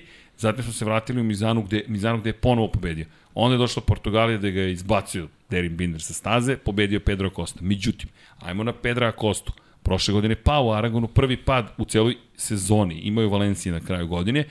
A u tom momentu Sergio Garcia pada, podiže motocikl, završava li van vodećih 15 vođa sada, ako ponovi rezultat, to je to, 30 poena, pet trka pre kraja, pri čemu Guevara ne snalazi se u duelima. Guevaru kada vučeš u duele, kad ga usisaš bukvalno u grupu, tu Pa nije razbije mu savršen. se tempo, on, Tako on je. kad, kad može da vozi svoj tempo je neuhvatljiv. To, Ali ovog to puta videlo, vođa, gde mi je Da. posebnost vođene pobede, pomislio sam gotovo, ode Guevara. Skoro sekund prednosti. I onda gledaš krug po krug, krug po krug, desetinka, desetinka, A dobro, desetinka, opet, desetinka. opet Mizano. priča, italijan Mizan, to je onako van, van Van svaki, ša, pa van svaki šablona, da, tako da, Da, da, da, vidjet ćemo verovatno tu istu borbu sad i u Aragonu. Pa gotovo sigurno. Da. Pa gotovo sigurno. Mada tu možda Guevara može pre da napravi neko backstop, mada onaj zadnji pravac tamo ka krivini broj 15, tu ne možeš pobrineš nikako. Posebno Možeš, ne ali- Leopardima, ili, tu i Suzuki, treba, Ej, ponovo da računaš na njega, jesu, jesu. Ponovo su se vratili. Ponovo imaju brzinu. Imaj. Da. I deluju mi kao ekipa koju smo gledali prethodnih godina Da. i to u trenutku kada ti to baš potrebno. Moramo da zovemo Kotura, da vidimo da li može da nam se pridruži najzad taj Aragon, da kažemo Miodraže, pa molim vas, pa ajmo čujemo iz prve ruke šta se zbiva, mada mislim da on toliko sada fokusira na ovu bitku, ne, i vidimo tačno, tu je, prisutan je, ali tačno vidiš, zna, znaš kada, kada ja mi, pišem mu čestitke, jesi ti u Mizanu možda? Ja mislim sad, volao bih da jesam sad to žurku da vidim uveče, ali nismo bili. Ali dobro, bit ćemo, ićemo u Valenciju, pa ajde da vidimo šta će tamo da se dešava. Nema navijanja, ali prosto nam je simpatično. Miodor Kotor prosto naš čovjek. Jednostavno tako ga gledamo i onda kako ti ne bude drago kad neko sa ovih prostora uživa u nečemu i uspešan u nečemu. Da. Lepo. Lepo vidjeti, ali naravno s Fođem se nikad ne zna, ali lepo si rekao za Tsukije Suzukija, Tacu koji, inače samo da spomenem Jaume Masiju, neverovatna brzina, i to je Džanki lepo rekao, neverovatan talent, i ne vredi, jednostavno i slično Gevari, samo što ekstremnije ti padovi koji imam, bukvalno ima padove. Šteta, baš velika šteta. Da. I da ne zaborimo Jumua Sasakija, mislim da bi Sasaki bio u borbi sigurno za pobedu. Šta bi to značilo za njegove eventualne šampionske ambicije, ne znam, ali mi je mnogo žao zato što, i nikog ne krivim, samo mi je žao, dođe Novajlija, Nikola Fabio, inače Carraro, koji ga je eliminisao, ona klasičan početnički Početnička, manevar. da, početnička greška. Kao da. kad prvi put igraš igricu, sad ću ja zaletim u četvrtoj krivini, neću u prvoj, nego u četvrtoj, sve ću da ih preteknem. A, fizika je neumoljiva jedna, prosto, ne, nije ni nauk, fizika opisuje prirodne neke pojave i ne, ne, sinko, to ti, taj avion ti nikad neće poleteti. Štete samo što izbacio Sasaki. A Jumu, baš... Pa, nažalost, uvek se zaustaviš u nekom. da. John McPhee je prošle godine Da. bio taj o, John koji je služio da, na, za vazdušnu kočnicu. Opet Husqvarna nekako, da. stalno se nešto Pa je, da, nešto je- nešto ima u nešto njima, ima u toj da. žutoj boji, da, o, vidi žuta boja plava, čekaj. Ali dobro, da, žao Da. mi je, zaista mi je žao, mislim da Sasaki će nam i dalje pružiti dobre partije, ali ta mala nada, šansa koja je postojala, bojim se da sada definitivno Da. izvršena. Inače, Masija 57 pojena za ostatka u šampionatu, Denis Ondžu, opet četvrti, ne vredi, ne može. Tačno vidiš divlje poteze, zelena površina, zelena površina, plava površina. Aman Denize, stani, znači stani sekund, ne. Ne, jednostavno jedna vatrena glava i ti vidiš da on gori iznutra, da on, sad ću da budem prvi, čekaj, stani, stani, spusti lopu, za, za, za milimetar ne vredi. I ti tačno vidiš da se neće zaustaviti. Ode metar tamo van staze, ne, on i dalje ne pušta gas. Ti ne znaš, čekaj, zašto? A ima brzinu. Ima brzinu, ali ne, ne vredi, možemo samo da čekamo. Brzina da je vrati. I ono, čekam da im taj trenutak da, da on u nekoj ranoj fazi trke povede i da vidim da li može da se odvoji, ali on On to ne. ne može. On, kao da voli da. duel. Kao da mu je potreban neki duel, Da, neki kao da je protivnik. potrebno da, da nekog ima kao reper. To, ne, ne znam. Ali, Moguće, ne ali, znam, da. Ono što je činjenica da je i dalje jedini čovjek u celoj klasi koji je osvojio poene u svakoj trci. Dakle, to je nevjerovatno. On je Pa ponovo dobro, osvojio i poene. to je jako važna stvar. Jeste, jeste, jeste. I ja mislim da on ima To je nešto što može na kraju sezona ti bude uteh. Može. Da, da te nosi šampiona. za sledeću da, godinu. Da. I u znači, Moto je kad važno, stigneš da, neko kaže, ok, znamo da, Da. srljaš, ali isto tako znamo da završavaš trku. Ne, ne, mnogo, se, mnogo je napredovao, mnogo se popravio. To je Jeste. ono što je, što je, što to je za utisak. njega važno, da. Znaš, to da. Da. i dalje utisak brojan za Denis Ondžu, ali okej. Okay. Nije, nije u igri za titulu. Inače, Daniel Olgado napreduje lepo, peta pozicija, mm. najbolji plasman u karijeri, možda nije najimpresivnija stvar koju smo videli, ja mislim Olgado da bi mogao u Valenciji da se bori za pobedu. Iskreno, obično Novajlije do Valencije i neko se opuste za tu poslednju trku godinu, pogotovo Španci, ja i poslednja i se oprostimo levo, desno, znam je, e, stiže nova godina, ajmo se oprostimo i tu nekako daju sve od sebe. Tako da Olgada treba pratiti, imaju pol poziciju i zaista neko ko lepo napreduje. Nekako me podsjeća pomalo na Izana Givaru prošle godine. To je taj spori napredak odnosno na Kostu. Nisu svi, a Costa, Marquez, Rossi, Stoner, Lorenzo i tako dalje.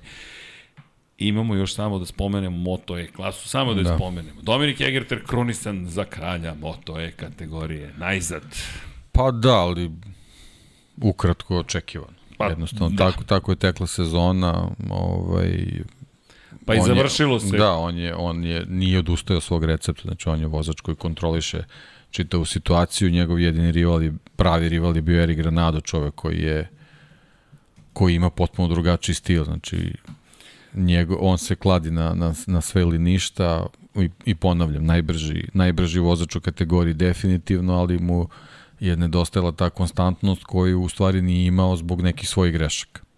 I to je to se ponavlja i sezonu u sezonu, Gerter on, na, na, na svoje iskustvo i tu brzinu koju ima skupio je dovoljnu količinu bodova u, u prvoj nekoj fazi sezone da kasnije može da kontroliše situ, čitavu situaciju koju je moj utisak vrlo lako kontrolisao. Jednostavno ima tu, tu neku klasu u odnosu na neke os, ostale vozače u, u kategoriji, osim Granada koji je stvarno mislim i dalje da je, da je najbrži tamo, ali eto, ta brzina nije, nije uvek Pa da, dovoljna da budeš šampion. Meni je simbolično što se ovako završilo. Da. Meni, se, meni je bukvalno simbolično padom Granada se završilo. Da, možda bi bilo drugačije da ona druga trka u Asenu nije, nije polovina bodova bila dodeljena, možda bi se malo, malo sa nekim drugačijim tenzijama ulazilo u završnicu sezone, pošto tu je Granado izgub, izgubio 12,5 bodova praktično, ovaj,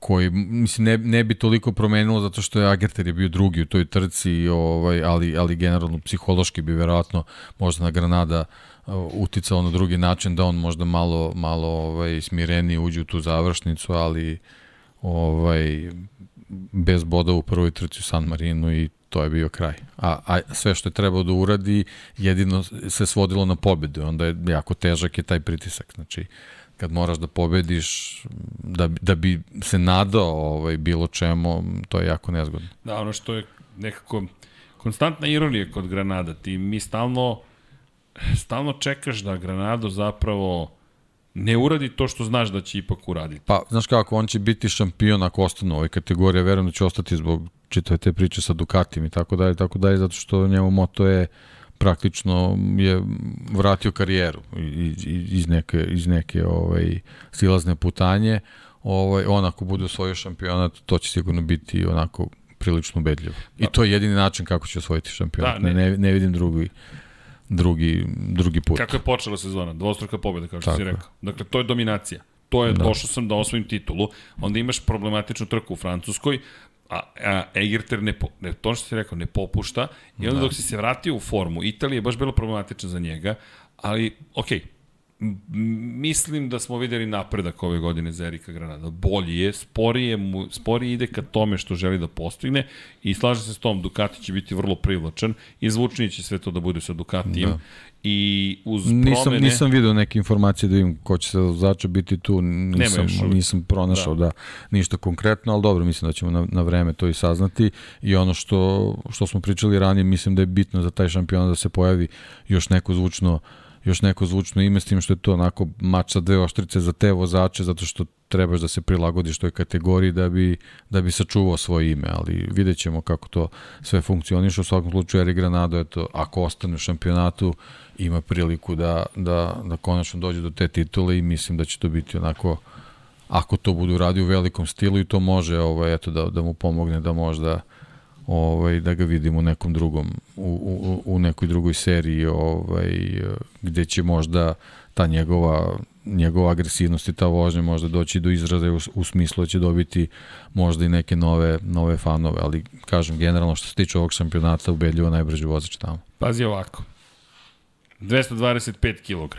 150 konjskih snaga, baterija teška 110 kg, samo da se razumemo, čisto da znamo, 18 kW časova stane, jel te, energije u tu bateriju, vidjet ćemo šta donosi taj Ducati, navodno, navodno, su brzine već sada prilično impresivne, i videli smo na testiranjima zapravo Opa, izvinjam se, nešto sam ispod stola oborio, ali nadam se da je to sve okej. Navodno je brzina 276 km na čas, to 76 mora da bude, e, postignuta prema informacijama iz Ducatija. Tako da sve to povlači ovo, još ako dođe neko zvučno ime, kao što si rekao, još ako dođemo, dobijemo toga da imamo eks, eksperte sada za Moto E klasu koji su zaista brzi, lep šampionat bi mi mogao da bude i još jedna bitna stvar, iako ovo istorijska oprošto od energike, zanimljivo reći dao RV Ponšaral vremenom rekao nas da ćemo biti dovoljno hrabri da vremenom otvorimo šampionat da bude mešovite proizvodnje motocikala, jer to bi zaista bio veliki pomak. I još nešto što mislim da će pomoći Moto E klasi, to je naredne godine plan je da poslednja trka dana uvek bude Moto Grand Prix trka. I mislim da je to potrebno i Moto E kategoriji, jer kada prođe Moto Grand Prix trka, par stvari se dešava, da ljudi počinju da odlaze, interesovanje jenjava, što je sasvim prirodno. Kralj, kraljevska klasa je kraljevska klasa, a jedna stvar se ne dešava. Publika ne može da Tako da izađe je. na stazu. Tako je. I ne može da dođe podno pobedničkog postolja i da napravi feštu. Nego, e, gotovo je MotoGP trka, a, ajmo sledeći, i ti odjednom nemaš osjećaj kulminacije, nemaš osjećaj savršenog vikenda, ni savršenog vikenda nego kažeš, aha, sad će moto je, ništa idem ja pa kući. Pa evo, Mizano je bio odličan primjer. Odličan primjer, jeste. A zamisli samo da posebno su mogli... Što si, posebno što si posle Moto Grand Prix ima trku koja nije ni morala se vozi. Tako da, bukvalno. Ali, ko je pobedio toj trci koja nije morala da pa se da, vozi? ali... Čovek koji mora pobedi bar u Italiji, Mateo Ferrari. tako je, da. ne, smo rekli, kao Mateo Ferrari, a idemo u Italiju, evo ga Mateo, pobedio Mugello, pobedio mm. Mizanu. Neverovatan je, stvarno je neverovatan, ja mislim, Mateo, daj čoveče, pa, jer mora, mora samo Italija, neverovatno. Imao je pobedu i van jednu van Italije, ali... Ne, nije imao van Italije, sve su Italije. Na dobro, Mateo Ferrari. ali da, krajnje zanimljivo to što sve, sve što se dešava kada je reč o Moto E klasi iz te jedne perspektive. Vidjet ćemo kakav će biti razvoj, ali smo se oprostili od energike. I čekamo sledeću godinu, sada nastavljamo borbe za titulu šampiona sveta u Moto 3, Moto 2, Moto Grand Prix. I to je nekako i krug kada pogledaš ovoga vikenda. Nama su sve tri titule u jednom momentu delovale kao da će biti uh, odlučene. Rešene, da. Tako je. U Evropi. U Evropi. I sada dolazimo u situaciju, čekaj, čekaj, mi idemo u Aragon, a situacija se komplikuje. Aragon nije baš najzahvalnija staza da odeš sa problemima u šampionatu sveta. Kompleksna je staza. Ideš gore, ideš dole, brzi delovi, spori delovi. Pogledaj prvi sektor, je ono krivina broj 2. Evo, sad vam najavljam, u krivini broj 2, brojite koliko ljudi će da izleti. Zašto? Skretanje u desno, jer poslednja krivina u desno je krivina broj 13, a to je tamo kod donjeg dela idemo levo, pa opa, izvinjam se, desno, pa još jednom desno, e onda kreće levo, pa pun gas tamo do 15. pa de, to je 15. 16. ne znam više ni kako ih broje. Skrećeš, skrećeš, skrećeš i to se sve rashladilo, ohladilo, izvinjam se, kao u Barceloni kada je reč o, o krivinama u levo, i onda dođeš do prve krivine, skreneš u levo i kreneš punim gasom sad ću desno i samo, o, evo Sergej je upravo imitirao to, samo, opa, samo se sklopi prednji kraj, pri čemu je brza krivina. I to je Aragon. E onda ako to nekako izvedeš da si i dalje na točkovima, prođeš, dođeš do pete, pete Takaki na Kagamija koliko je problematična i tako u krug, onda kontra Vadičep, pa nizbrdo, pa ti beži zadnji kraj i onda si ponovo došao i čudna staza. Pri čemu deluje kao da je u bespuću, kao da će sada izađe, ne znam, ne znam, neko iz Charles Bronson, otprilike, bukvalno sa šeširom i da svira harmoniku, otprilike, tako izgleda zaista stazan. Ili onaj, jel, jel, ne, s, uh, Sa Jul Brynnerom bio onaj film, oni roboti, O, cowboy. ne, pa Westworld. To, pa to, sad, to, e. Deki, moraš da bingeuješ To, novu, so, novu da, da, seriju. da. Ali meni dalje Jul Brynner... Neću novu seriju, Koliko sam ja, se da. plašio ja Jula Brynner. jes? I ja sam E. kako nisam, pola lica mu nestane. Ja imam 6-5 godina, ovako gledam, tata, ide Jul Brynner. E, Aragon liči na to. Bukvalno bespuće Westworlda. Ali, Ajde, ali, završavaj. ajmo, završamo Da, vreme da. da se pozdravimo. vreme i Luka i Kuzma nas stižu. E, dok traje bre to evropsko prvenstvo? Mislim u košarci. Šalim se, naravno Tek je košarkaš. počelo, tek je tek je počelo, počelo. šalim se. Nego mi se šalimo pošto su nam ovde drugari svako veče. Vanja, ja ne znam, jel odete pre nego što svane? Ponekad, do pola tri, ljudi. Ali ko voli košarku, toplo preporučujem zapratite Luku i Kuzmu. Čekaj, nisam stavio tap room. Ja pet puta sam kretao da stavim tap room. Čekaj, Vanja, da ti pošaljem još novije izdanje etikete gde se vidi Infinity Lighthouse. To sam shvatio da ti nisam poslao najnovije, ali čekaj, sad ću da ti pošaljem odmah da možemo i to da najavimo. Da vidim šta još mi ovde imamo. Op. Taman i o Filipu, hoćeš ti da, uh, da, ja ću da pripremim uh, za Patreone, a ako hoćete ja ću da potražim to. Da, Filip Jenić, hoćeš ti deki. Filip Jenić, samo da spomenemo, četvrta pozicija, posle dosta problema, Da. Imao je testove i rekao nam je mislim da smo našli rešenje. Zaista mislim da smo našli rešenje i sad uvek želiš da veruješ da je zaista neko našao rešenje i onda pomisliš, ajmo da vidimo. Ali prvi put posle, posle početka godine je delovao kao čovjek koji govori, ej, verujte mi, ne čak ne rekao verujte mi, nego ti deluje kao da zaista se nešto tu dešava što, što je pozitivno. Inače, kada pričamo Nikoli Colovu, Colovu tri trke zabeležio jedno drugo mesto, jednu pobedu, jednu četvrtu poziciju. Hugh Barter je dve pobede zabeležio, jedno treće mesto. Govorimo o španskom šampionatu Formule 4. Juče nismo spomenuli, pa samo da spomenujemo, jer Filip Jenić je momak sa ovih prostora, od tri trke jedno dobro četvrto mesto, jedno bi bio 17, jedno 14, bilo je tu raznih problema, ali opet četvrta pozicija bolje nego što je bilo posle duže vremena i bez bodova. Ima tu još puno posla, osmi je u šampionatu i mi mu držimo Što je palčeve. sasvim okej. Tako je. I nadamo se da će sledeća godina biti ta godina proboja koja mu Pa je, jest. koja mu je potrebna. Prosto je potrebno, koliko god da volimo Filipa, svesni smo i ne možemo da ne budemo što realniji. Potrebna mu je ta jedna godina proboja. Gde će i kada i kako voziti ne znamo i čim bude dostupno za javnost informacija mi ćemo vam preneti, ali za sad mi mu samo odavde šaljemo mnogo mnogo lepih emocija. Pozdrav iz- inače za crnogorskog džedaja. Moram reći da je Jedi zamolio da, da spomenemo Nikolu Asanović i, Niko, i to je Deki učinio. Dakle, nisam izvinjan se video poruku na vreme na Patreonu, ali hvala vam. I naravno, poruka jeste univerzalna, mazite se i pazite se. Zaista vodite računa jedni u drugima, nema potrebe da imamo ovako neke tužne podsjetnike da je život zaista ultra kratak. Veruj mi Lazare, ja mislim da imam 17 godina, imam 46, još malo, a kao da je juče bilo kada sam slavio 17. rođendan i pitam se gde su nestale sve te godine. Nemam pojma Lazare, ali veruj mi, za 30 godina ćeš biti u fazonu Ja, se sjećaš kad smo sedeli u studiju na kraju univerzuma. Sablažnjava me činjenica da ću tada ja imati 76 godina. Eto, vidiš. Ali imaću majicu, makar dobru. na kojoj piše koliko godina imate, nije ni bitno. Ajde, ajde, beži mali. Postaneš onaj starac, eh, nervozni, pusti me na miru. Ali uživajte u životu, ljudi. To je ono što je poenta. Ukoliko hoćete, dođite u tap room i ko ne pije alkohol, neka dođe da se družimo. Nije poenta samo u tome. Mi smo samo radosni što smo napravili neku potpuno sad novu priču sa, sa ekipom iz, iz Dogme i, i radosni smo što 99 yardi odjednom Ja ne znam za podcast o NFL-u na planeti Zemlji koji ima svoje kraft pivo. Evo, iskreno, ja, ja ne znam da li to postoji. Moramo saznati. Evo, neki, neki rekord da postavimo. Kad već nisam te Pa. poslušao. Da. Pa ćemo sad morati manje da spavamo. Ali dobro, to to isto treba. Znaći ćemo se. Znaći ćemo se. Elem, ljudi, uh, Vanja, ne poslah ti ja ovo, stiže ti u Slack upravo u ovom trenutku, to ti je konačna etiketa koja ima i Infinity Lighthouse ucrtan kao kolaborativni element.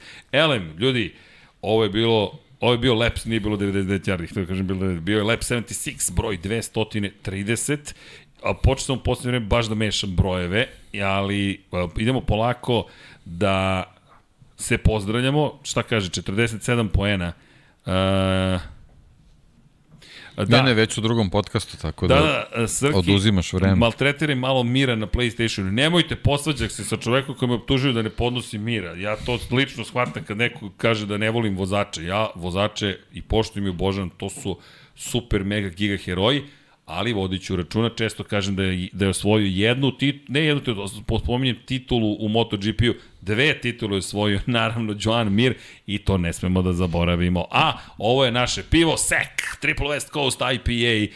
Kada budemo mogli da pravimo 0-0, napravit ćemo i 0-0 za one koji vole Lab 76, da mogu bezbedno da konzumiraju nešto što se zove pivo, ima 0,0, ali ste primetili smo bacili 76-icu na dres. A, tamo desno, 76-ica, 99-ka, ruši quarterbacka, i naravno imaš i beskonačnost tamo sa Uz pomoć strane. beskonačnosti. Da. Tako je, deki, sve smo ubacili. To ne znam što ruše vanju, to mi samo... ne- Nisam ni stvarno primetio. ok, hoćeš da ga ofarbamo u plavo. ne, ne, ne, skroz je okej. Ima neku poruku, sigurno. I poruka je, hoćeš da budeš quarterback, izašao si na Megdan, ok. A, ne, on ne pije, da. A, pa to je to. Zato je sekovan na etiketi. A zar nije lepo kad si junak etikete? Da. U bilo kom obliku. Ovo je sek. Zamisli kada dođe huddle, kada dođe touchdown, kada dođe kosmos. I tako dalje. Inače, Ognjen kaže Radivojević, nismo spomenuli incident između, da kada se za Botasa nije pojavio ceo krug, bo, s- vozilo bezbednosti se nije pojavilo, a stajao je bolid na stazi. Pa da, i tu postoji teorija zavere da je to učinjeno zarad potreba pobednika, ali u svemu možemo da vidimo teorije zavere, samo da znate, Luisa Hamiltona i Mercedes su optuživali godinama da je svaki put vozilo bezbednosti njima odgovaralo, svako virtualno vozilo bezbednosti da je nameštano za Luisa Hamiltona i Mercedes i sad je oprečno kako sada nameštaju za Maxa Verstappena i Red Bull. I sad, ili je to potreba da pravimo heroje, ne znam, ali ja bih rekao sledeće, Dek je to objasnio. Ja sam inače frapiran incidentom da nisu vozilo bezbednosti ceo krug, podvešću to i dalje pod ono što ja mislim da ste vi prokomentarisali. Sve se promenilo, ništa se nije promenilo. Promenili ste dva direktora trke i dalje su nesposobni da donesu hrabru odluku. Michael Masi, ja moram priznati da je jednu stvar makar radio, donosio je hrabre odluke. Čudne su bile, možda ne kompetentne dovoljno, ali su bile dosta hrabre. Cenkanje uživo u etru, uh, prekrečanje pravilnika, svašta je on čovek uradio.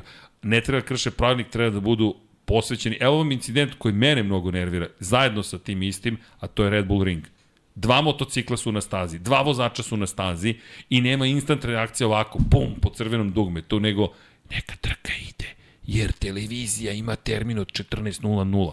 Koga briga, to su ljudski životi. Nažalost, ali došli smo u tu situaciju i to je katastrofalno ognjene za mene. I jedan i drugi incident su katastrofalni.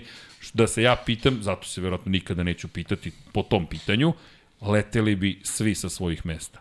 Mike Webb, svako, kogod da je direktor trke, samo bih rekao, hvala ti, ne moraš više da dolaziš. Zašto? Ne želim da čekam dan kada će se nešto desiti tragično zato što si ti želeo da ispoštuješ televizijski, jel te, program. Ali, lako je meni da kažem, nisam u toj koži, ali budite sigurni da sam i toj koži, mislim da ovde dovoljno znaju, ja bih rekao, ne, prekidaj trku i vratno bi se izgubilo mnogo para i onda bi me otpustili. Da, sad je rekorder u Tako. otkazu Thomas Tuchel iz Chelsea. Kažu da je od trenutka od kada mu je pozvonio telefon do trenutka kad je pokupio sve svoje stvari iz kancelarije ovaj, u, u, u zdanju Chelsea je prošlo 10 minuta. To se tako radi. To se, e, E, to, se tako a, to, a tako ovo se ne radi. Da. A ovo se ne radi, a to, to se tako radi. Ali bukvalno, hoćeš... To se sad ja nešto teši, ali nema veze, to je druga priča. Ali, okej. Okay. Dakle, E, ovde je počeo diskusija o košarci. Čekajte, je, drugari. pa, vidiš, to ti je znak neki. To ti je znak. da poštuješ Ta- tako je, to. tako je, poštujemo. Da. Master Rima kaže kada čekamo knjigu Markeza. Ljudi, iznenadit ćete se koliko smo daleko stigli, ali čak i moja usta su trenutno zapečaćena od datumima. Gleda me koleginica iz prode. Ali ono što ćemo da uradimo, čisto da znate, i vi ćete znati prvi, kada budemo zaista znali datum objave knjige Marka Markeza, u tom momentu će ona ući u pretprodaju na sajtu, ekskluzivno, dakle shop.infinitylighthouse.com i standardno ćete imati popust od 30% dok se knjiga ne pojavi. Onoga momenta kada se pojavi, više taj popust nećemo davati.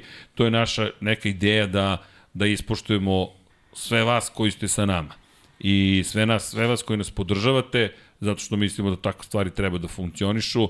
Inače, mi, smo se, mi se trudimo i dalje da cene budu što normalnije. Inflacija, inflacija, inflacija. Mi još nismo udarili po toj inflaciji, to je najlakše da kažete. Inflacija je mora nešto da poskupi, mi još nismo poskupili, tako da znate i do sada stvari lepo funkcionišu. Stižu i nove godine, ko zna šta će još biti od stvari koje ćemo pripremiti za vas, A da, stižu nam i majice 99 yardi, ko voli Luku i Kuzmu i njihove ćete moći da kupite uskoro u Infinity Lighthouse-u, tako da dosta toga radimo. Ljudi, pre svega, prvo hvala da vam kažem, zaista, od sveg srca, evo, dve i po godine već radimo razno razne stvari, molim vas e, za predloge i komentare. Malo smo popustili po pitanju odgovora na komentare, ne, izvinite, ne, ne stižemo, nije opravdanje, ali bar smo iskreni, zaista pokušavamo koleginici iz prodaje, Vanja, Petar i ja smo sta- stalno ovde, Deki je sve češće ovde, da, da, Paja je takođe tu često, ali verujte, trudimo se zaista sve to da uradimo. Dakle, da organizujemo ceo studiju, da se snimaju svi podcasti koji se snimaju, da objavljujemo knjige, prevodimo ih, pakujemo ih, dostavljamo ih, vodimo magazin, vodimo, vodi koleginici iz prodaje magazin, da svi dobijete sve što želite, da uvodimo neke nove stvari, malo smo tu negde prestali da stižemo neke stvari, ali ćemo se popraviti. To vam je obećanje. Eto, samo vas molim za još malo razumevanja i podrške potrebno nam je.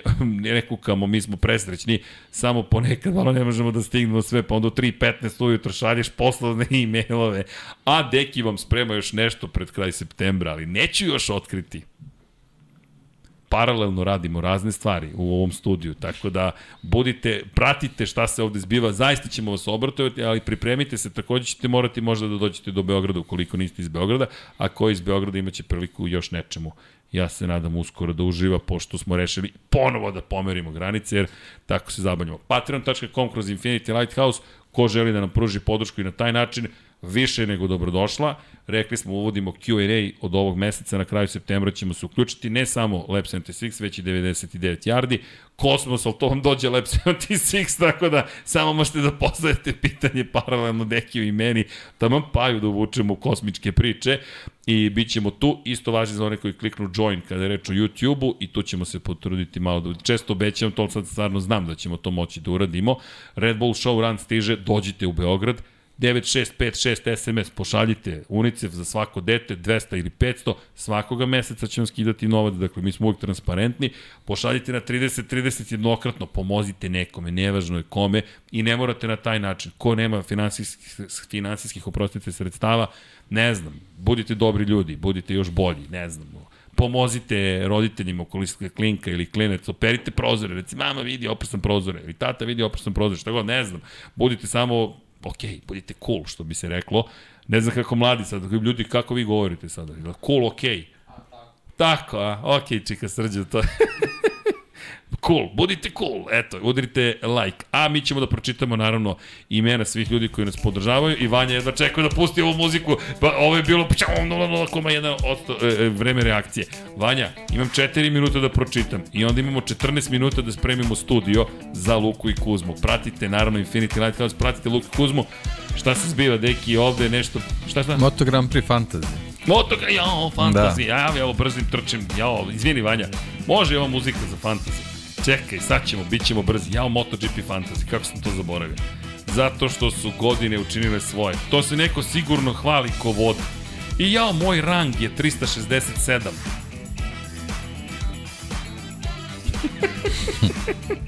Da, ba, Bestianini vodi, inače 23.520 poena, Moto Voždovac 1515,5, Karl Marx je na 1485,5, Wonder Girl je 1472, Milutin Racing je peti, 1470, El Diablo 20 FQ 1470, dakle isti broj pojena kao Milutin, mada El Diablo ima još dva 300V boosta, Moto Voždovac i Karl Marx po jedan, Škoda 110R, 110R, dakle ko ne zna šta je Škoda 110R, surfujte, googlajte, oduševit ćete se, to treba da napravimo, Pimpa i Škoda, 1460,5, nema više bonusa, Kuku Majko Racing.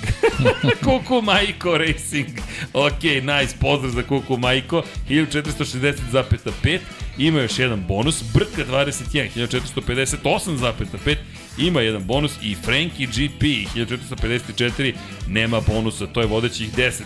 Gde se nalazi uh, kolega Žakare Pagua? Uh, Žakare Pagua Racing 650. Pozicija. e, dobro, da vidimo gde je koleginica iz prode. Vi ste Sirm. 319. ste koleginice. Dobro. Pričat ćemo malo kasnije o tome. I ja sam 367. Jao Fabio, Fabio, ali Diđan Antonio. Upropasti me. Mada ni Marko bi nije baš bio bolji. Kako mi izlete, Marko? Nismo ga li spomenuli, ali Škorpion bit će opasno. Kako? Molim? Isti tim imamo, kopirate me koleginice, morat ću da promenim da bih vas pobedio. Da, da, okej, okay, sad ćete reći ti si mene kopirao, ali da, znamo svi to, ali nema veze. Sad ću da skopiram Dekiv tim, napriču hibrid. No, vreme je da se pozdravljamo, ja se izvinjam što smo ovako malo požurili kada je reč o fantaziju. Potražite zvaničnu ligu Lab 76 i još malo do kraja, a, a vidjet ćemo ko će da bude najbolji u ovom malom internom duelu.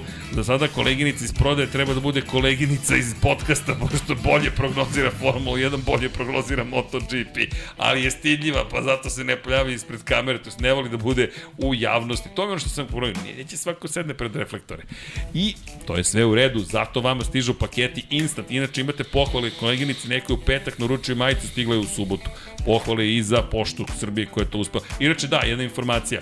Imamo problematičnu situaciju, o tome ću da pričam na početku svakog podcasta i stavit ćemo napomenu na naš sajt cenovnik pošte ima jedne cene, ali kada dođu da vam naplate, naplate vam druge cene, više cene.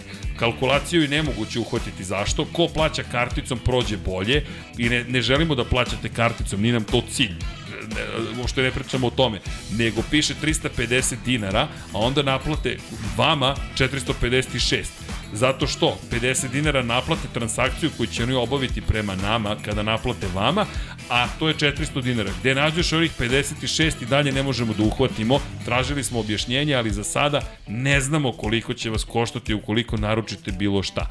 Ono što po zakonu moramo da uradimo da vam pokažemo cenovnik pošte Srbije, a sve ostalo je čista sreća. Ne znam šta bih rekao, ali takva je situacija i zaista mi žao, izvinjavam se što je tako, ali ćemo transparentno da napišemo napomena ko kupuje po uzećem. Očekujte nepredviđene troškove koji ne idu nama, idu Pošti Srbije, ali Pošta Srbije je oslobođena od poreza, ali ga ipak naplaćuje. Eto, to je ceo moj komentar na celu priču i nemamo nikakvo objašnjenje, ali mi ćemo se truditi da ga makar dobijemo, ni da ćemo nešto promeniti u sistemu, ali ajmo da pokušamo, makar svi se žalimo pa kažemo, man ljudi nije u redu. Bar nam recite koliko će da košta pa da ljudi mogu da odluče. Tako da se izvinjam u ime našeg partnera Pošti Srbije, ali trenutno je to situacija. A, sad ću da se zahvalim kome? Slušajte ekipu. Sead Antić, Dorijan Kablar, Matej, so, Matej Sopta, Gloria Edson, pozdrav poseban za Gloriju Edson, Igor Jankovski, Saša Ranisavljević, Nikola Milosavljević, Marko Kozić, Šmele, Marko Petrekanović, Srđan Sivić, Milan Apro, Branimir Rijevec, Nemanja, Jasmina Pešić, Matija Rajić, Zoran Cimeša, Danijela Ilić, Đole, žena mi zna, Andreja Miladinović, Borislav Jovanović, Miloš Radosavljević, LFC, Crnogorski džedaj, Grgo Živaljić, Vlada Ivanović, Jugoslav Krasnić, Nenad Pantelić, Andreja Branković, Nebojša Živanović, Ivan Rečić, Andrej Bicok, Veselin Vukićević, Dimitrije Mišić, Ivan Ciger, Safet Isljami, Boris Erceg, Branislav Kovačić, Depressed, Cody Garbrandt Fan, Aleksandar Jurić, Vladimir Filipović, Vladimir Petković, Đorđe Đukić, Pavle Nj, Miloš Todorov, Emir Mešić, Andrija Todorović, Ertan Prelić, Alen, Bojan Markov, Bahtjar Abdurmanov, Prelazim na drugu stranicu, to je tranzicija, Darko Trajković, Dejan Đokić, Ferenc Laslov i Branko Bisački, Žarko Milić, Aleksandar M, Igor Gašparević, Vukašin Jekić, Branislav Marković, Igor Vučković, Aca Vizla, Dejan Vujović, Nemanja Zagorac, Aleksandar Antonović, Novak Tomić, Boris Kujundžić, Tijana Vidanović, Aleksa Jelić, Da žena ne sazna, Dušan Petrović, Lazar Pević, Stefan Nedeljković, Alen Vuletić, Zoran Majdov, Mihovil Stamičar, Nikola Stojanović, Jasenko Samarđević, Bojan Majstorović, Antonio Novak, Stefan Milošević, Miroslav Cvetić, Đole Bronkos, Ognjen Marinković, Vukašin Vučenović, Nemanja Miloradović, Marina Mihajlović, Miloš Vuletić, Luka Manitašević, Zorana Vidić, Marko Horg, Boris Golubar, Mirina Živković, Josip Kovačić, Andrej Božo, Boris Gvozden, Petar Relić, Bojan Mijatović, Milan Nešković, Borko Božunović i Marko Ćurčić. Mlađan Antić je takođe tu zajedno sa Kristijanom Šestakom, tu je Stefan Vidić, pa Ivan Žorž, Luka Saović, Jelena Mak, Goša 46, Kovačević, Omer, Monika Erceg, Nenad Đorđević, Nikola Božinović, Filip, Mihajlo Krgović, Đorđe Radović, Predrag Simić, Ivan Simeunović, anonimni donator, Zoran Šalamun zatim, pa Aleksa Vučaj, Miloš Banduka, Mario Vidović, Zoltan Mezeji, Stefan Lešnjak, Ivan Maksimović, Toni Ruščić, Milan Đurđević, Marko Bogovac, Nikola Grujičić, Marko Mostarac, Mladen Krstić, Marko Čuković, Stefan Dulić, Ivan Toškov, Sava Dugi, Jelena Jeremić i Ozren Prpić. Kada govorimo o onima koji nas podržavaju na YouTube-u, Dakle, ko su subscriberi, što bi se reklo, da ne kažem bukvalno pretplatnici, to jest oni koji su uradili uh, join i pridružili se, ugasio mi se računar. Ok, došao je Kuzma i ugasio se računar, nestala je struja. Ja se izvinjam svima koji su se priključili ekipi na YouTube-u, ali pročitat ćemo toplo sledeći put, ne zamerite. I taman stižemo da namestimo studio Vanja brzinom svetlosti, a je i Luka, zato što su oni Luka i Kuzma. Dođite da pomognete momci da rasklopimo ovaj studio na kraju univerzuma i preselimo ga u neku drugu galaksiju. Ljudi, nadam se da ste uživali. Deki je sigurno uživao. Silno se proveo, ali prozivat ćemo ga sada kada se pogase kamere. Šalimo se, nećemo suviše lične neke stvari doživljava, ali želimo da vam kažemo da vas volimo, mazite se, pazite se, laka vam noć, gledajte Luku i Kuzmu, pre svega udrite like, a možete i subscribe, a možete i join, a možete i na Patreonu, možete i u shop i tako dalje, tako dalje. Deki, hoćemo da se pozdravljamo. 1, 2, 3. Ćao, Ćao svima! svima.